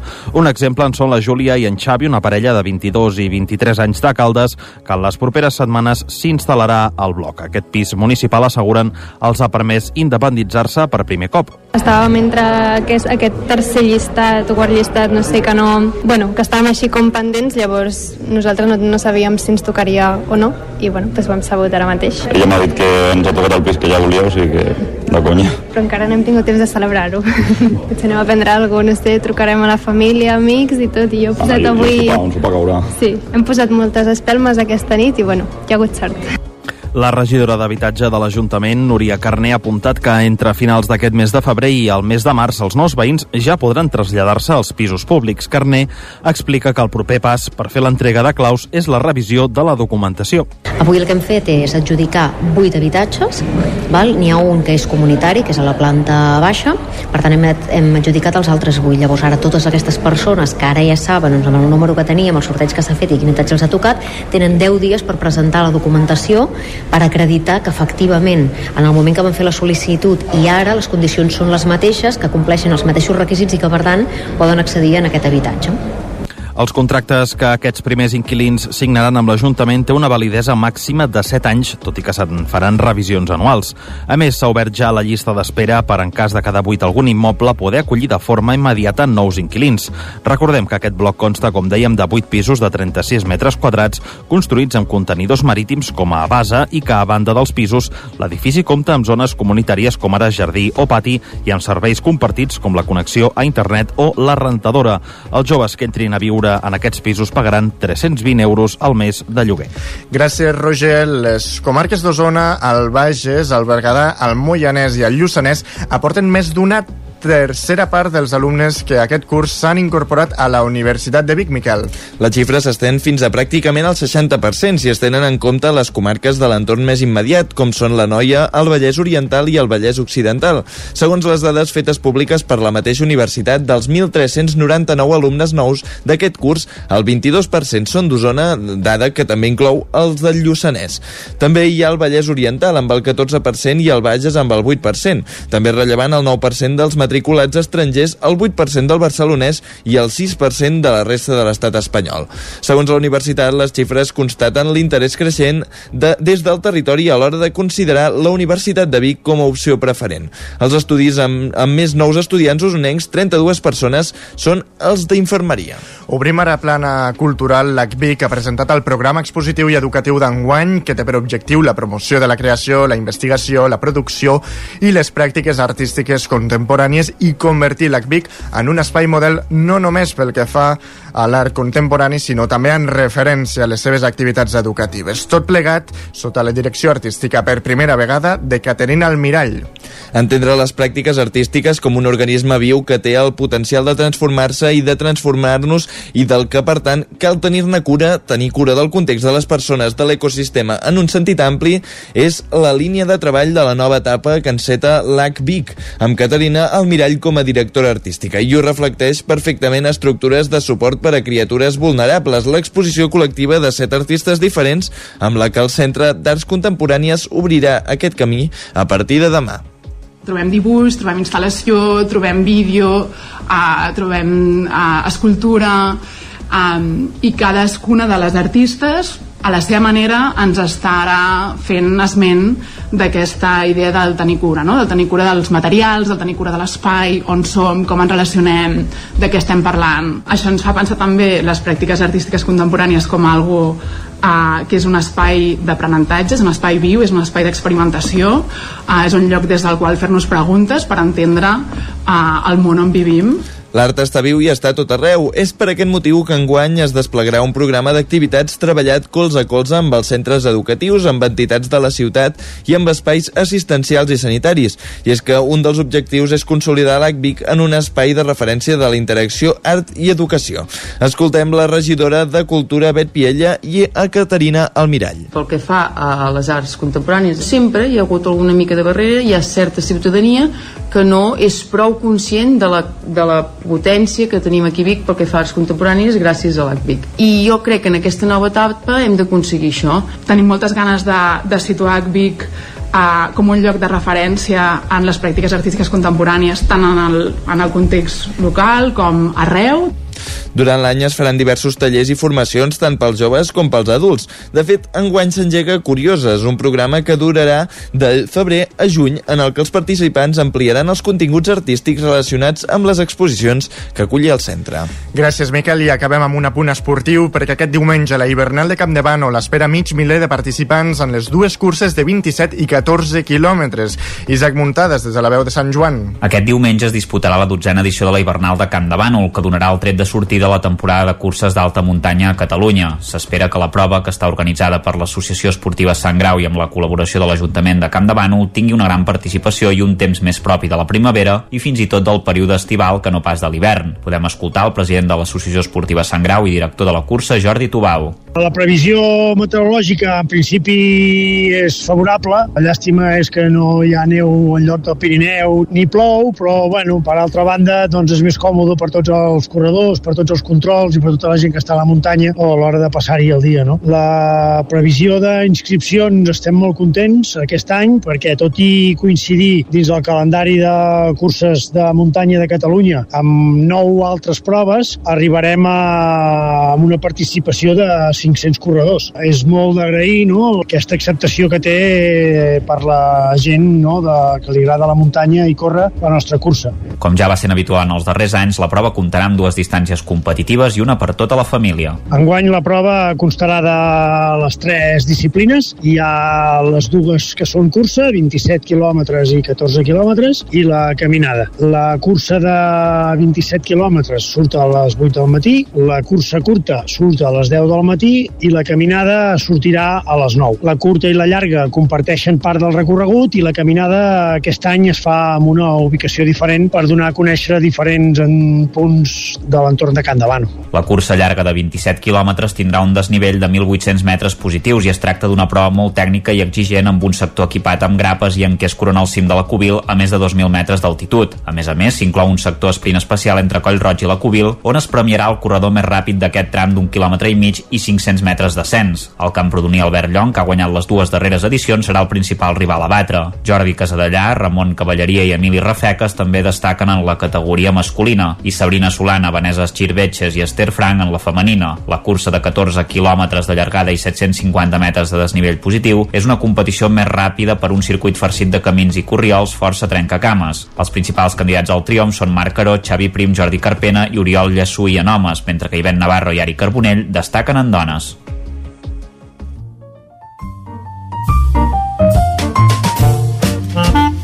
Casa Terradellos us ofereix el temps. Doncs acabem aquí aquest repàs informatiu. És hora de saludar una altra vegada el nostre home del temps, en Pep Acosta. Tornem a una codinenca. Bon dia de nou, Pep. Hola, què tal? Molt bon dia. Aquesta nit, aquest matí, està plovent, però novament, una altra vegada, com, com últimament està passant eh, cap a part occidental de Catalunya. A les nostres comarques no hi ha manera. Ha aquesta zona del litoral central, que és la que tenim més seca de tot el país d'aquests últims 40 mesos sequera.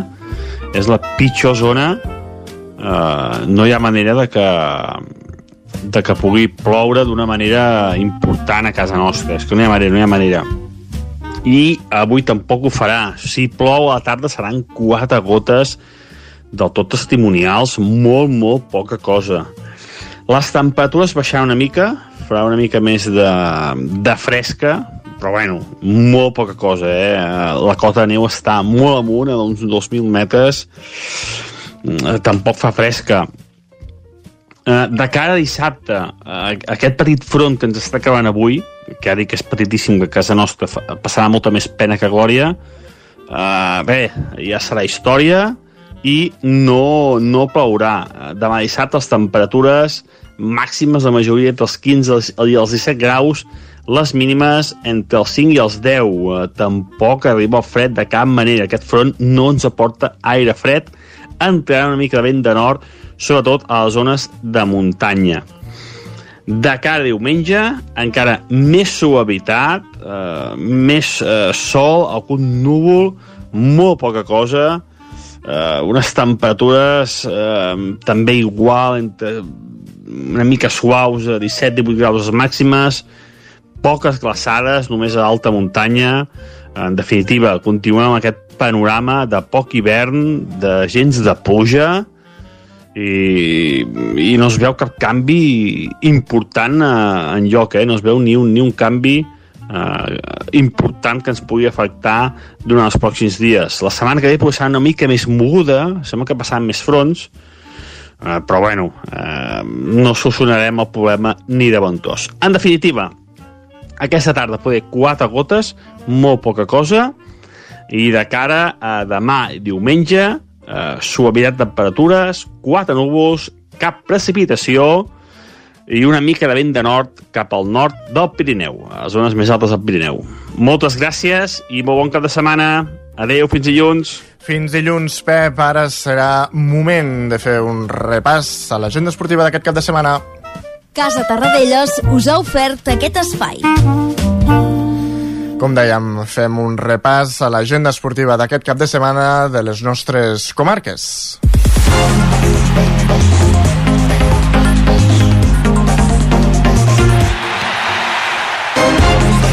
Comencem aquest repàs amb l'Isaac Muntades des de la veu de Sant Joan. Bon dia de nou, Isaac.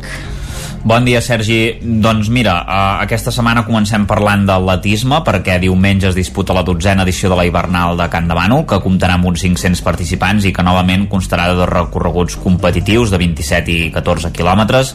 El de 27 quilòmetres tindrà un desnivell de 1.800 metres positius i s'arribarà fins a dalt del cim de la Cubil, a 2.000 metres d'altitud, i a més a més també hi haurà un tram cronometrat d'un quilòmetre i mig en què el més ràpid tindrà premi. Pel que fa a la cursa de 14 quilòmetres i 750 metres de desnivell positiu, doncs és una competició més ràpida, farcida de camins i força corriols. A més a més, també hi haurà una caminada per a aquells que no vulguin córrer, que aquest any s'allunyarà dels dos circuits principals i que serà de 10 quilòmetres. Pel que fa al futbol, al grup 3 de la tercera catalana tindrem un nou derbi aquesta setmana i és que el Camp de Bànol rebrà el Camprodon a casa dissabte a les 3 de la tarda els canalencs venen amb la moral pels núvols després de derrotar per 0 a 4 a la Badesenc a domicili en l'altre derbi, però continuen a la zona mitjana de la classificació en novena posició i 24 punts. Uh, per la seva banda, el Camprodon hem de dir que és setè amb 26 punts i travessa una ratxa de 4 partits sense guanyar i una victòria local doncs, faria el sorpasso i acostaria doncs, el Camp Nano a la part alta i si fos a l'inversa el Camprodon també aconseguiria eh, acostar-se a les posicions capdavanteres. La Badesenc per la seva banda vol oblidar el cop dur del derbi de l'altre dia i tornar a guanyar aquest dissabte a les 4 de la tarda contra el Font Coberta. Els Sant Joanins ara són segons amb 35 punts, necessiten una punxada de la Mer per recuperar el lideratge. El seu rival, el Font Coberta, és desè amb 21 punts, evidentment és un rival assequible per sumar una nova victòria que els mantingui a la part alta de la classificació. Pel que fa a la Lliga Nacional Catalana, l'Hockey Club Ripoll ha de començar a sumar de 3 en 3 per no complicar-se la permanència. Dissabte té un duel força assequible per sumar una victòria, perquè juga a casa a 3 quarts de 8 del vespre contra el Malgrat, que hem de dir que és el cué de la Lliga amb 11 punts, només ha guanyat 3 partits de 18 i per la seva banda el Ripoll és desè amb 24 punts i de guanyar se situaria a la zona còmoda de la classificació.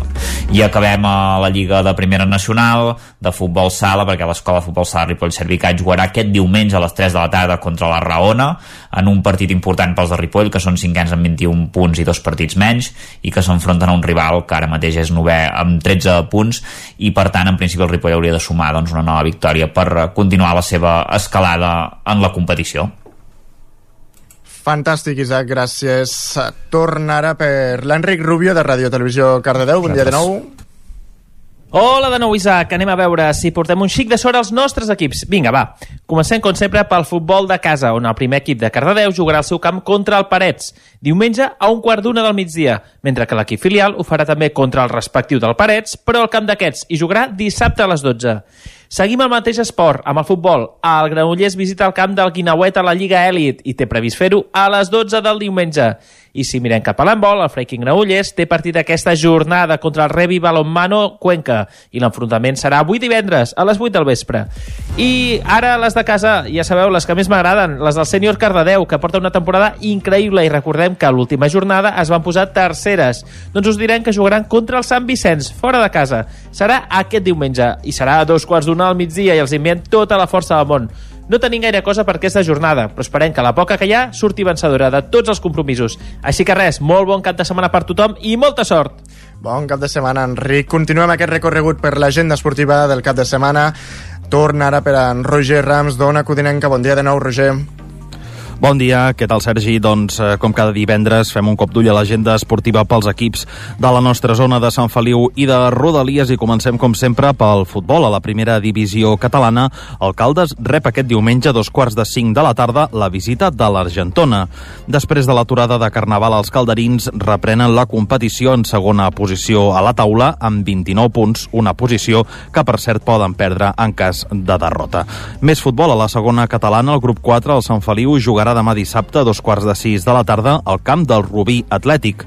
Els codinencs acumulen quatre partits consecutius sense derrota i es troben en tretzena posició amb 19 punts. El Rubí, per la seva banda, és un dels rivals directes dels Sant Feliuencs, ja que són dotzens amb 20 punts. I tanquem l'episodi futbolístic al Moianès i a la tercera catalana, que té activitat avui mateix, i és que aquest divendres al vespre, a dos quarts de nou, el Moià visitarà el camp del Cué, els Centelles. Els moianesos són setens amb 24 punts. Parlem ara d'hoquei patins. A l'hoquei Lliga masculina, el Caldes rep aquest dissabte a les 8 del vespre la visita del Liceo, un dels enfrontaments més exigents que té a domicili. Els calderins hi arriben, però, amb bones sensacions després d'acumular tres victòries seguides a casa i d'empatar la darrera jornada a la pista del Sant Just. El Caldes és desè a la taula amb 22 punts, mentre que el conjunt gallec és cinquè amb 29. A l'Hockey Lliga Platanor, 14a jornada, el Sant Feliu rep també aquest dissabte a dos quarts de vuit la visita del Digitec Capital del Vi, el líder de la competició. Els ballesans són ara mateix sisens amb 19 punts. I acabem el repàs a la Lliga Nacional Catalana Femenina d'hoquei patins, on aquest cap de setmana el primer equip d'alcaldes rep la visita del Sant Cugat, serà diumenge a tres quarts de dues de la tarda, mentre que el Vigues i Riells visitarà diumenge a tres quarts de set del vespre la pista del Vilassana. Gràcies, Roger, i acabarem aquest recu... Bueno, bon dia, Roger. Gràcies, fins ara. Fins ara, fins ara.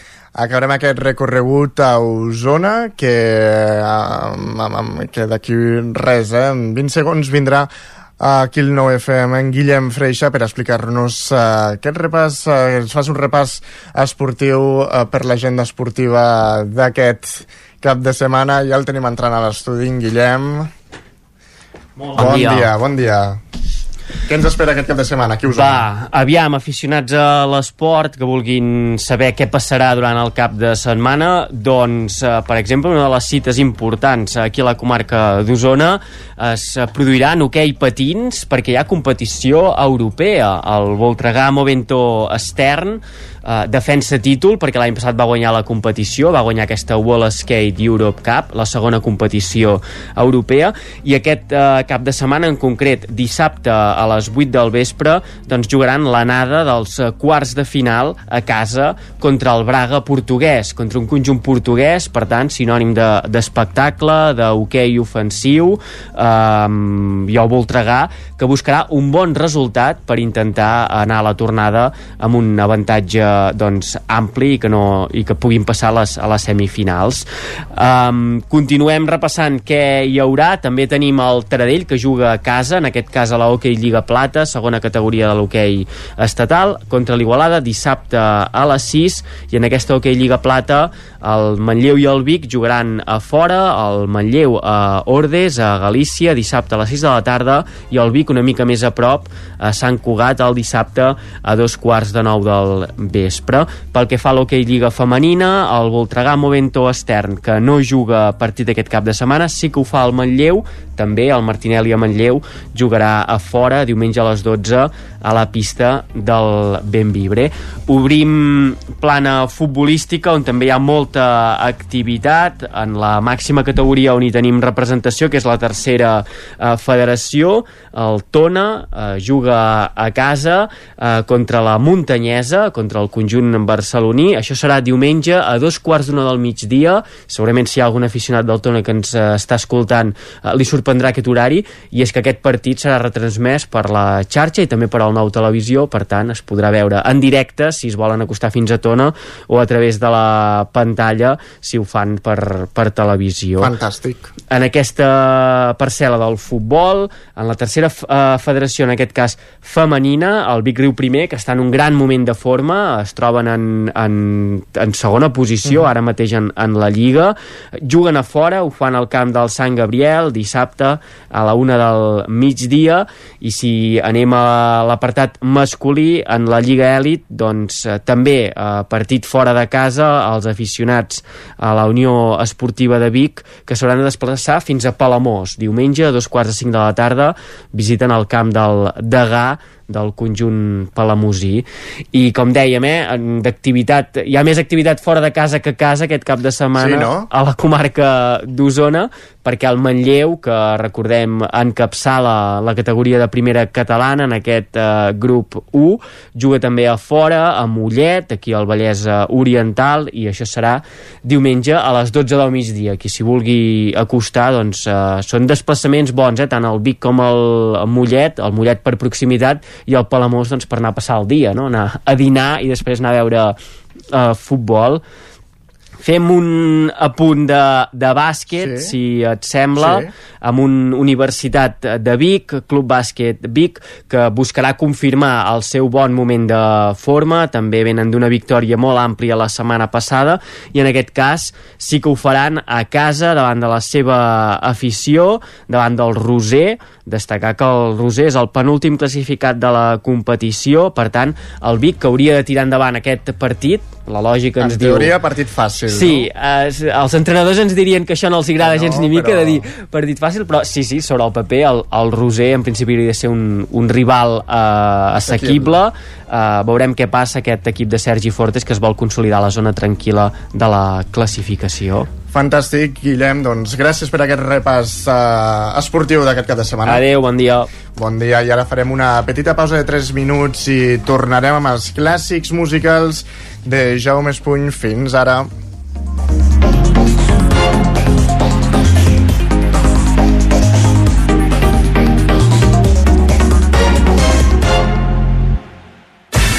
El nou FM, la ràdio de casa, al 92.8. Menja ràpid, menja fàcil, el trinxat de les Cerdanyes, tio Carlit. Mmm, boníssim! Trinxat Carlit, 100% natural, fet cada dia a Puigcerdà i a punt en un minut. Encara et preguntes què t'emportaràs a la feina o a la uni per dinar? El trinxat de les Cerdanyes, tio Carlit. Situat en un entorn immillorable, envoltat de natura, a l'hostal restaurant La Guineu tenim la brasa encesa tot el dia per esmorzar, dinar o sopar. Veniu a descobrir el nostre menú de calçots i pels que no es vulguin embrutar les mans tenim les millors croquetes de calçots. Estem especialitzats en opcions vegetarianes. Hostal La Guineu. Ens trobareu a l'urbanització Les Guilleries de Viladrau. Obrim tots els dies. Pare, pare, Dis-me, amor. què faig amb la pell de la mandarina? Això va al cubell marró que tenim sota l'aixeta. Veus que hi són la resta de pells de fruita? És clar! Reciclar és massa evident per no fer-ho. L'orgànica al contenidor marró o al cubell del porta a porta. Generalitat de Catalunya. Sempre endavant. El nou FM, el nou FM, el nou FM. Cobertes serveis funeraris. Els nostres tanatoris estan ubicats en els nuclis urbans més poblats de la comarca d'Osona per oferir un millor servei. Tanatori de Vic, Tanatori de Manlleu, Tanatori de Centelles i Tanatori de Roda de Ter. Sabem que són moments difícils i per això el nostre compromís és atendre-us en tot moment amb un tracte humà, sensible i respectuós. Cobertes serveis funeraris. Telèfon 24 hores 93 883 23 46. Catalunya està en emergència per sequera. Després de 3 anys sense pluges, les reserves dels embassaments i aqüífers han anat baixant progressivament, passant del 80% fins al 16% actual. Pots consultar les restriccions del teu municipi al visor de la sequera entrant a sequera.gencat.cat. A més, recorda que pots contribuir a l'estalvi d'aigua amb molts petits gestos, com tancar l'aixeta mentre rentes les dents, prioritzar la dutxa en comptes de la banyera, no fer servir el vàter com si fos una paperera o posar la rentadora només quan és plena. Estalviar aigua és urgent. És un missatge de la Generalitat de Catalunya. El nou FM, el nou FM, el nou Cocodril Club. Si t'agrada la bona música dels anys 60, 70 i 80, escolta el 9 FM els matins de dissabtes i diumenges d'11 a 1. És el temps del Cocodril Club, tot un clàssic de la ràdio, amb les bases del pop-rock, les llegendes, les cançons que s'han convertit en autèntics himnes. Recorda, dissabtes i diumenges al matí, d'11 a 1, al 9 FM 92.8. Cocodril Club, el programa revival de l'Albert Malla. Hasta luego, cocodrilo. En punt, ara mateix, dos quarts d'onze, al Territori 17.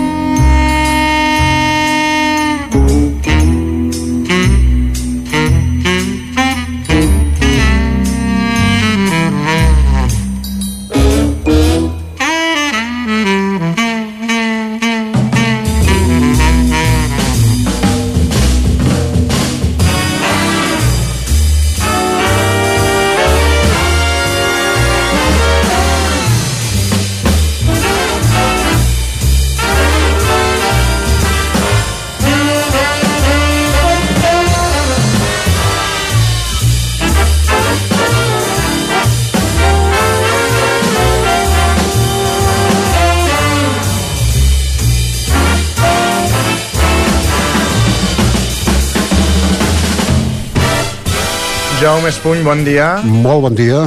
Avui una banda sonora molt reconeixible, no? Ah, sí, eh, fins i tot la gent tan jove com, com tu, eh, o, no? La, Bé, la Pantera Rosa. La Pantera Rosa, sí.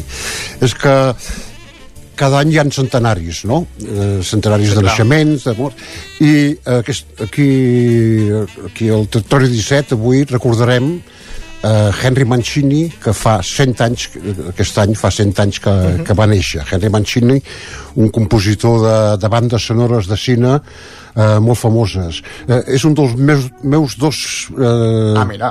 preferits de bandes sonores.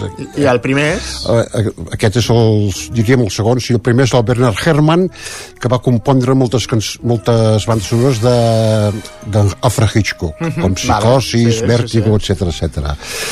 Aquesta que estem escoltant és la Pantera Rosa, aquella de l'inspector Clouseau, Peter Sellers, però que de, després va durar molts anys perquè feien els dibuixos animats de la Pantera Rosa, que era el mateix, no? Ara escoltarem una cançó de una pel·lícula, eh, Dos en la carretera, Dos en la carretera, amb l'Audrey Hepburn i Albert Finney. És una cançó, una pel·lícula, una comèdia trista, diríem, i la cançó també és trista. Escoltem-la. A veure.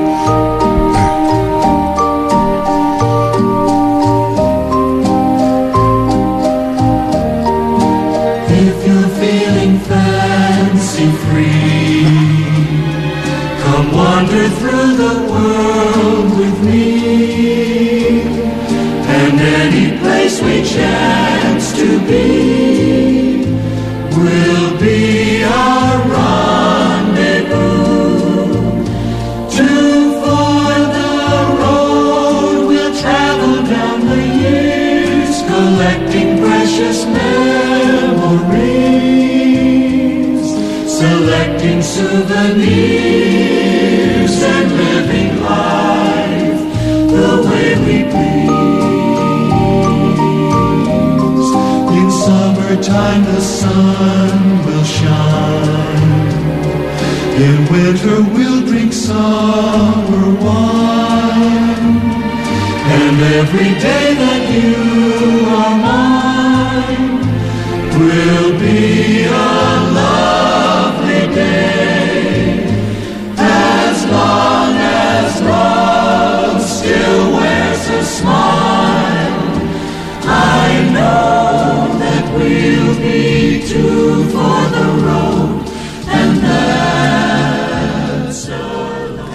El que no he dit era que eh, el disc, és, aquest disc Sí. eh, es diu The Real, el Real, Henry Mancini.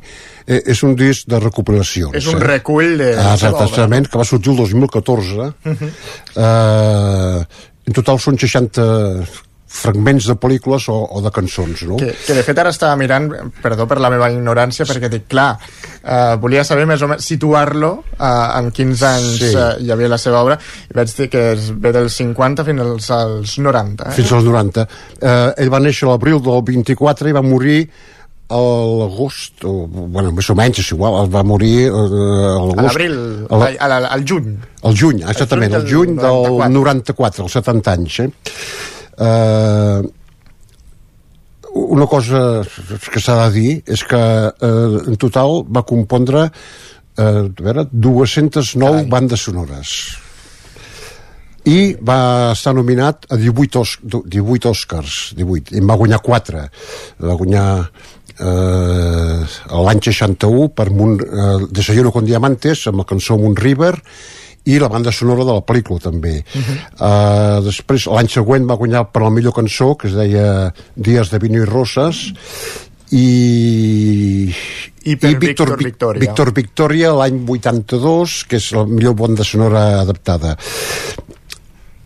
ara escoltarem la meva, una de les meves cançons preferides que és una cançó que cada dia em desperto amb aquesta cançó. Ah, sí? sí és, vull dir, tothom té una cançó bueno, no sé, Però la utilitzes com a alarma o com a alarma com, a alarma, sí, Però allà Això és, al mòbil això a vegades eh, és tot el contrari perquè acabes uh, odiant la No. cançó. Eh? Tu, tu, tu és no, el és contrari. impossible que ho digui és de la pel·lícula de Xeno Condevantes que va guanyar l'Oscar Mhm. la cançó es diu Moon River que és l'Audrey Hepburn sí. ja també com, com la- la- l'anterior La- l'Audrey Hepburn eh, al començament de la pel·lícula que està mirant l'aparador de, de la joieria Tiffany's que Mhm. la pel·lícula es diu en, en tota traducció literal seria esmorzar a Tiffany's no? Mhm. i doncs escoltem-la és molt maca Doncs som-hi.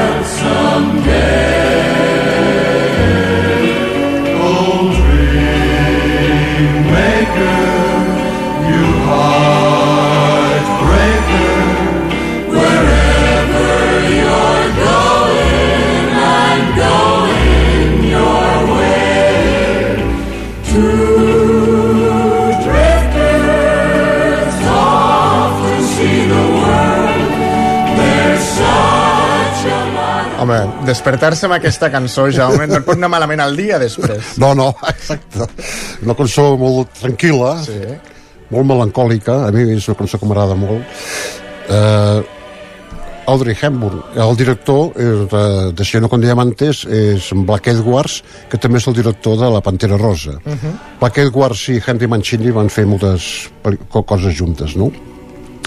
I ara eh, sentirem una cançó, eh, ai, un, sí, un fragment d'una pel·lícula que es diu Atari, que és de caçadors eh, allà a l'Àfrica, amb el John Wayne. Mhm. John Wayne, saps?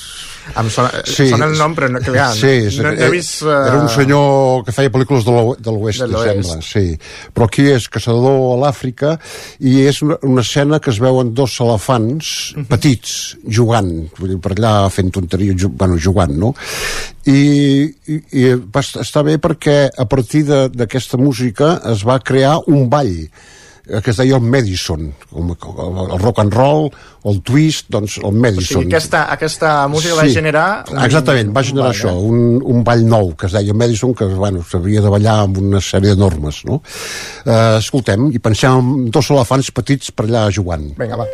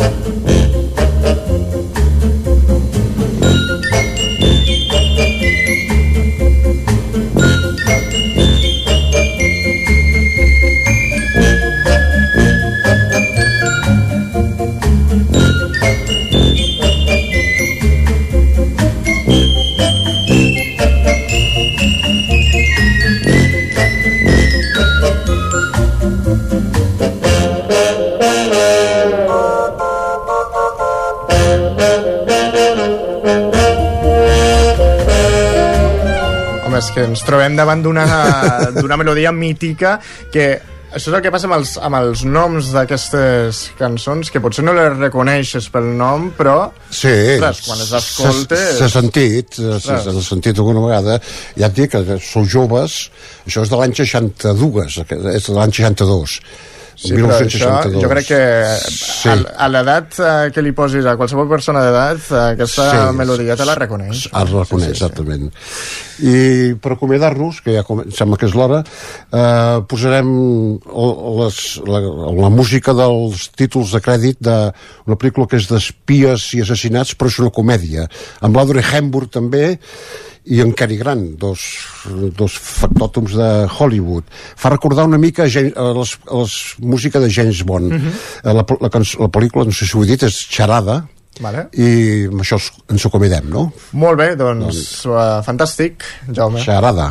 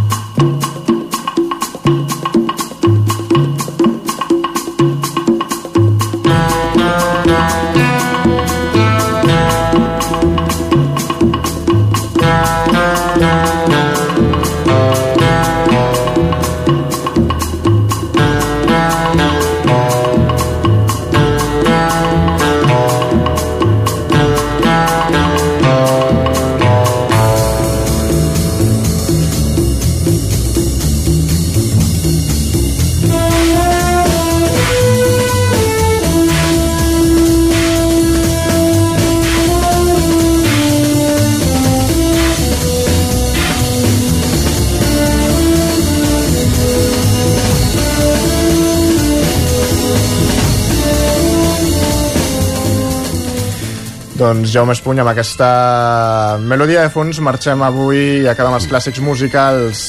I fins la setmana que ve. I fins la setmana que ve, fins divendres, gràcies. Bon dia. Llarga vida, Henry Mancini. Clar en, el, sí. en el record. Clar que sí.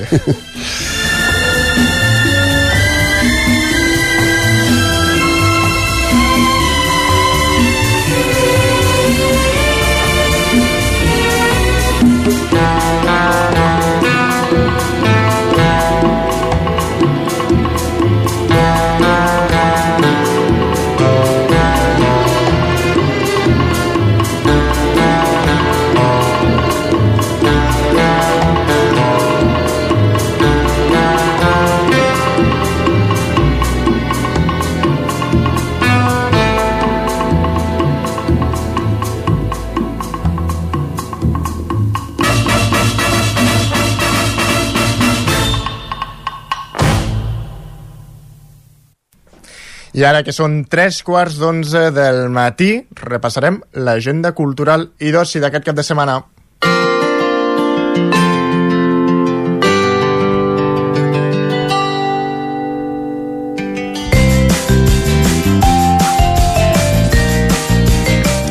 I començarem aquest uh, repàs uh, de l'agenda cultural i d'oci, com dèiem, d'aquest cap de setmana de les nostres comarques, des de la veu de Sant Joan. Bon dia de nou, Isaac Muntades. Bon dia de nou. Doncs, evidentment, aquest cap de setmana toca seguir parlant de carnavals, perquè arriba el plat fort aquí al Ripollès amb la celebració del Carnestoltes de Ripoll, que enguany celebra el 25è aniversari de la ruta hippie del Romànic aquest divendres, en què més de 200 persones faran diverses proves per veure qui és el millor grup de tots hi haurà un sopar popular al galliner com a novetat enguany i després de les competicions hi haurà la xaranga que portarà els participants fins a la disco Ara Pla. El Carnestoltes del dissabte començarà a dos quarts de sis de la tarda amb l'inici de la rua oficial del Carnestoltes a l'Avinguda del Tèxtil i l'inici de la rua Golfa a la plaça de l'Ajuntament a dos quarts de dotze de la nit i després el ball de Carnestoltes d'una 6 de la matinada al pavelló municipal. I el Carnestoltes infantil serà diumenge a la plaça de l'Ajuntament a les 5 de la tarda i hi haurà animació infantil amb l'actuació dels superherois només una hora després. Aquest cap de setmana també hi ha Carnaval a Sant Pau de Segúries, que concentraran una sola jornada el seu Carnestoltes. Dissabte al matí es farà un taller d'engalanament de la carrossa i la confecció del rei Carnestoltes i a la tarda hi haurà espectacles de Carles Cuberes al pavelló municipal i la desfilada de disfresses deixarà pas a la rua i la crema del rei. Després hi haurà un sopar i un epíleg musical amb DJ i Big Day.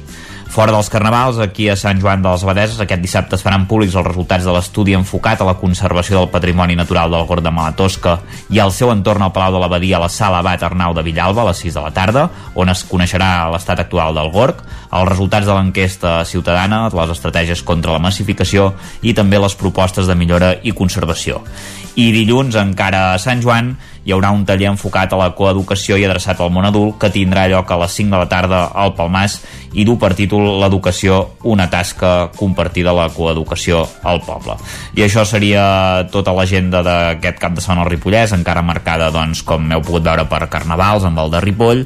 La setmana que ve ja es podrà donar per a conclòs doncs, tot aquest eh, reguitzell de carnavals perquè hi haurà l'últim carnaval dels cinc pobles grans del Ripollès, el de Can de Bànol que bé, es preveu també que sigui bastant lluït com ho han set doncs, tots els que hem vist fins ara. Això esperem, gràcies Isaac. Moment ara de Ràdio Televisió Cardedeu. Bon dia de nou, Enric Rubio. Hola de nou i per última vegada aquesta setmana, Isaac. Anem a veure, comencem amb l'agenda per Cardedeu. Avui divendres, a dos quarts de set, al Tarambana, sessió de lectura de mot en mot, lectures en veu alta, inclusives. A les 8 del vespre, als cinemes Barjo i durant tot el cap de setmana, als colors de l'incendi. Dissabte, convocatòria per informar sobre el Pla Morató a les 11 al Parc dels Corbera, a Llinàs, on els convocants han interpel·lat a que hi vagi també tota la població de Cardedeu, ja que afecta els seus terrenys, tal com vam poder escoltar a la connexió que vam fer abans d'ahir, el dimecres. Diumenge, a les 6 de la tarda, al Teatre Auditori a Cardedeu, Teatre Conspiranoia de Marc Angelet i Jordi Casanovas. I ara anem a fer un breu repàs per la comarca. I és que a Llinars del Vallès tenim la programació del Teatre Festival 0. A Sant Celoni, aquest cap de setmana també, l'Escola de Dansa Esther Cortés presenta la nova temporada. Ens quedem a Sant Celoni perquè al cinema La Filmo hi ha minicicle negre. Sant Esteve de Palatordera, els tres toms continuen, continuen amb la tradició. Arbúcies faran una trobada de clàssics Montseny, Guilleries, botifarra gratuïta pels 500 primers. I a Sant Esteve de Palatordera, també aquest cap de setmana ja per concloure la secció, Judit Nederman quartet amb Arnau Figueres, Pau Figueres i Isaac Coll. Apa, moltíssimes gràcies i que passeu tots un molt bon cap de setmana. Igualment, Enric, nosaltres continuem aquest recorregut per l'agenda del cap de setmana. Torna ara per en Roger Rams, d'Ona Codinenca. Bon dia de nou, Roger. Bon dia, què tal, com esteu? Doncs sí, com cada divendres fem un repàs a l'agenda d'actes per aquest cap de setmana, començant a Sant Feliu de Codines, on aquest dissabte s'hi farà una xerrada titulada Saps què és el Wikiloc? Una conferència organitzada per un Codines Trail amb l'objectiu de donar a conèixer el funcionament del Wikiloc. Aquesta plataforma serà al centre cívic La Fonteta a dos quarts de vuit de la tarda. Ja diumenge, en el marc del 41è concurs de teatre Amateur Vila de Sant Feliu, el Casal Codinenc acollirà a les 7 de la tarda l'obra 12 sense pietat, una representació que serà a càrrec de la companyia ACR de Fals a Fonollosa. A Caldes de Montbui, en canvi, durant el cap de setmana encara s'hi pot veure l'exposició Un teatre amb història, que explica la trajectòria del teatre del centre.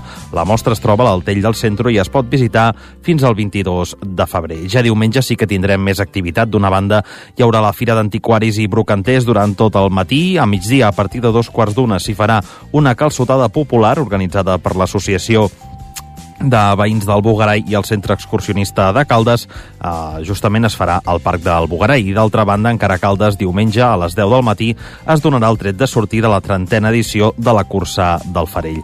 A Vigues i Riells del FAI l'acte més destacat d'aquest cap de setmana és la celebració del Dia Internacional contra la LGTBI-fòbia en l'esport. Per commemorar aquesta jornada, el consistori de Vigues ha organitzat diverses activitats durant el matí. Des de les 11 i fins les 2 hi haurà partits esportius al pavelló municipal i es pintarà un mural gegant entre els participants. I acabem, com sempre, al Moianès, on aquest cap de setmana se celebren alguns carnavals, un d'ells el de Moià, que viurà demà dissabte el seu dia gros. La festa començarà a les 6 de la tarda amb la mostra de comparses al carrer del Passarell i seguirà amb la rua pels carrers. La festa continuarà amb un sopar popular i l'entrega de premis ja a la nit, mentre que el punt final el posarà la festa jove a partir de les 11. I carnavals a banda, tenim diverses propostes de teatre. Demà dissabte al Casal de Castellcí s'hi farà l'obra Avui no sopem, a dos quarts de del vespre, i a l'Espai La Malosa, de Santa Maria d'Oló a les 6, s'hi representarà l'obra l'obra d'Agatha Christie, Una visita inesperada. Encara parlant de teatre, però ja diumenge a l'Espai Escènic de Castellterçol s'hi farà l'obra Molta merda a dos quarts de set de la tarda. Gràcies, Roger, i bon cap de setmana. Bon cap de setmana, ens escoltem dilluns, que vagi bé. Fins dilluns nosaltres acabarem aquest recorregut a Osona. Des del 9 FM tenim en Jordi Vilarrodà i Miquel R. Bon dia als dos. Hola, molt bon dia. Dia. Per on comencem? Mira, si voleu agafo jo el fil que estem parlant aquests dies encara de carnavals. Sí. Recordem-ho que Osona, com que tenim el cap de setmana passat, que és el que toca, diguéssim, per calendari, el de Torelló, també eh, la, la potència del de Torelló, ens centrifuga una mica les propostes carnavalesques i per tant encara tenim un tercer cap de setmana molt potent amb algunes propostes destacades, algunes però eh, incompletibles de, de viure-les plegades, perquè són pràcticament a la mateixa hora, al mateix dia. Eh, i, I seria sobretot un trio destacat, eh, que serien Taradell, Balanyà i Roda de Ter pràcticament això, eh? entre les 5, 6, 7 de la tarda hi ha les sortides de, de les respectives rues, eh, tots amb, amb, amb premis al final, i, i per tant amb, amb poques novetats, alguns hi ha algun canvi puntual de, de recorregut, però bàsicament això, eh, recordar que qui vulgui disfressar-se té l'oportunitat de fer-ho aquests tres municipis. N'hi han més, per exemple, a Vic, a Vic eh, és habitual que es faci el dissabte al matí, és, és, eh, ho agafen una mica les associacions de veïns i també les escoles del sud de la ciutat, es fa a l'entorn de, a- en final, diguéssim, festa per allà al migdia, a les 12 quarts d'una del migdia, final de festa a la Rambla Tarradellas, per tant, una possibilitat de viure així un, un carnaval més familiar i també podrem, també sortiríem, diguéssim, d'aquest garbuix que hi ha el dissabte a la tarda amb el de Santa Eulàlia de Riu Primer, que es fa diumenge al matí, també amb recorregut pel poble i en final a la pista poliesportiva amb pica-pica per tots els participants. Uh, re, a, a part de, car de carnavals, recordar també molt puntualment, fa dies que anem parlant de, de rues de tonis, aquestes Sí. no s'acaben, uh, s'hauran acabat els carnavals i encara hi haurà tonis a la comarca.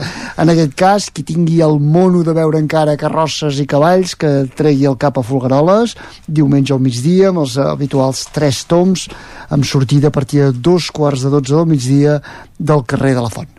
Fantàstic, i en l'aspecte més uh, cultural, Jordi, què ens espera? Sí, doncs recuperem els, les arts escèniques, podríem dir, després del cap de setmana de Carnaval en què gairebé ningú va programar concerts ni res perquè tothom estava pel Carnaval de Torelló. Aquesta setmana hi ha carnavals en altres llocs, però es recupera tota l'activitat de teatres i de concerts. Eh, comencem, doncs, per exemple, en teatre destacaríem eh, un parell o tres d'ítems, eh, el retorn de Josep Maria Flotats als escenaris, un, un dels grans actors de l'escena catalana que feia anys que no veia eh, actuar i que tornarà a Vic eh, aquest diumenge, perdó, aquest dissabte a l'Atlàntida amb una obra eh, que es diu La Disputa eh, que, és, que interpreta conjuntament amb un altre actor, en Pep Planes i que representa una disputa entre dos grans filòsofs del segle XVIII, de Voltaire Auxerre i Rousseau. És una obra d'un autor francès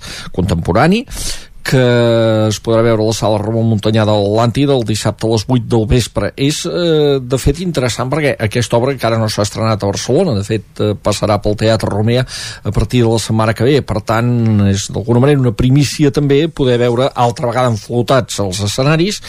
Eh, és gran ja, però en plenes facultats eh, i, i, a més a més, ell ha adaptat i dirigit l'obra.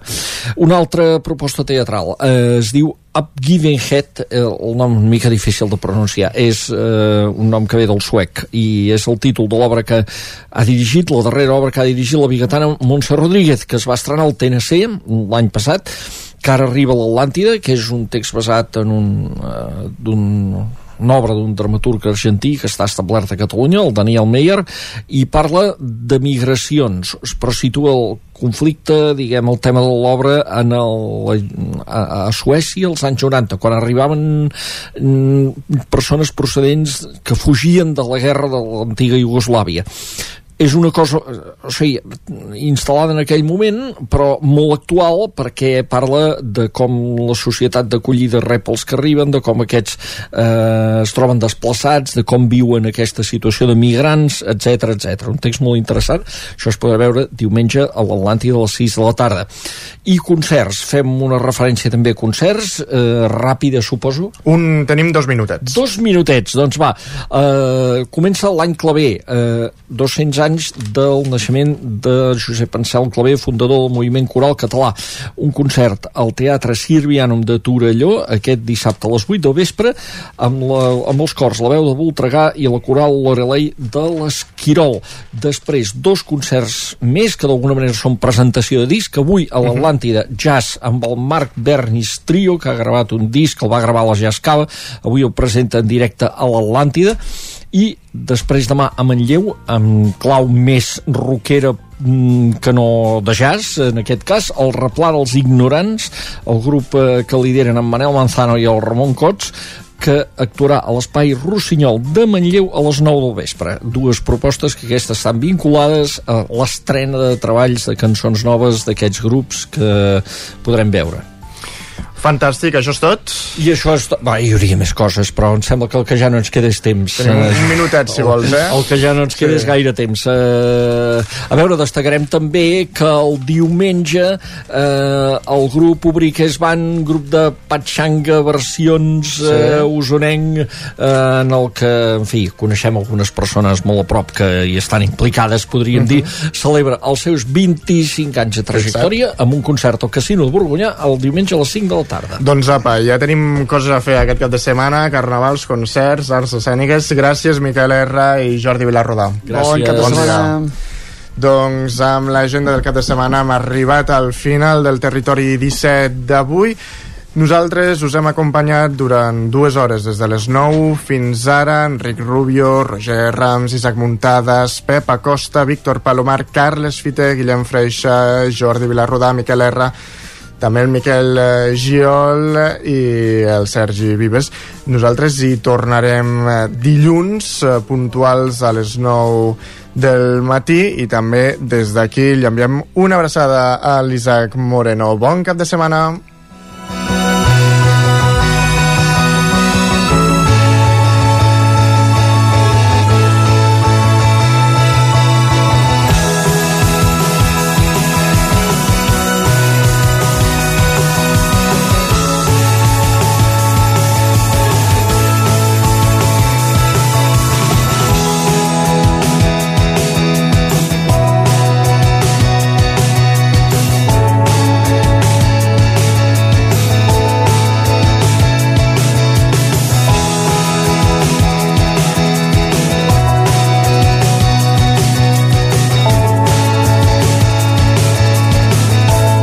Territori 17, un magazín del nou FM, Ona Codinenca, Ràdio Cardedeu, Ràdio Vic i La Veu de Sant Joan, amb el suport de la xarxa.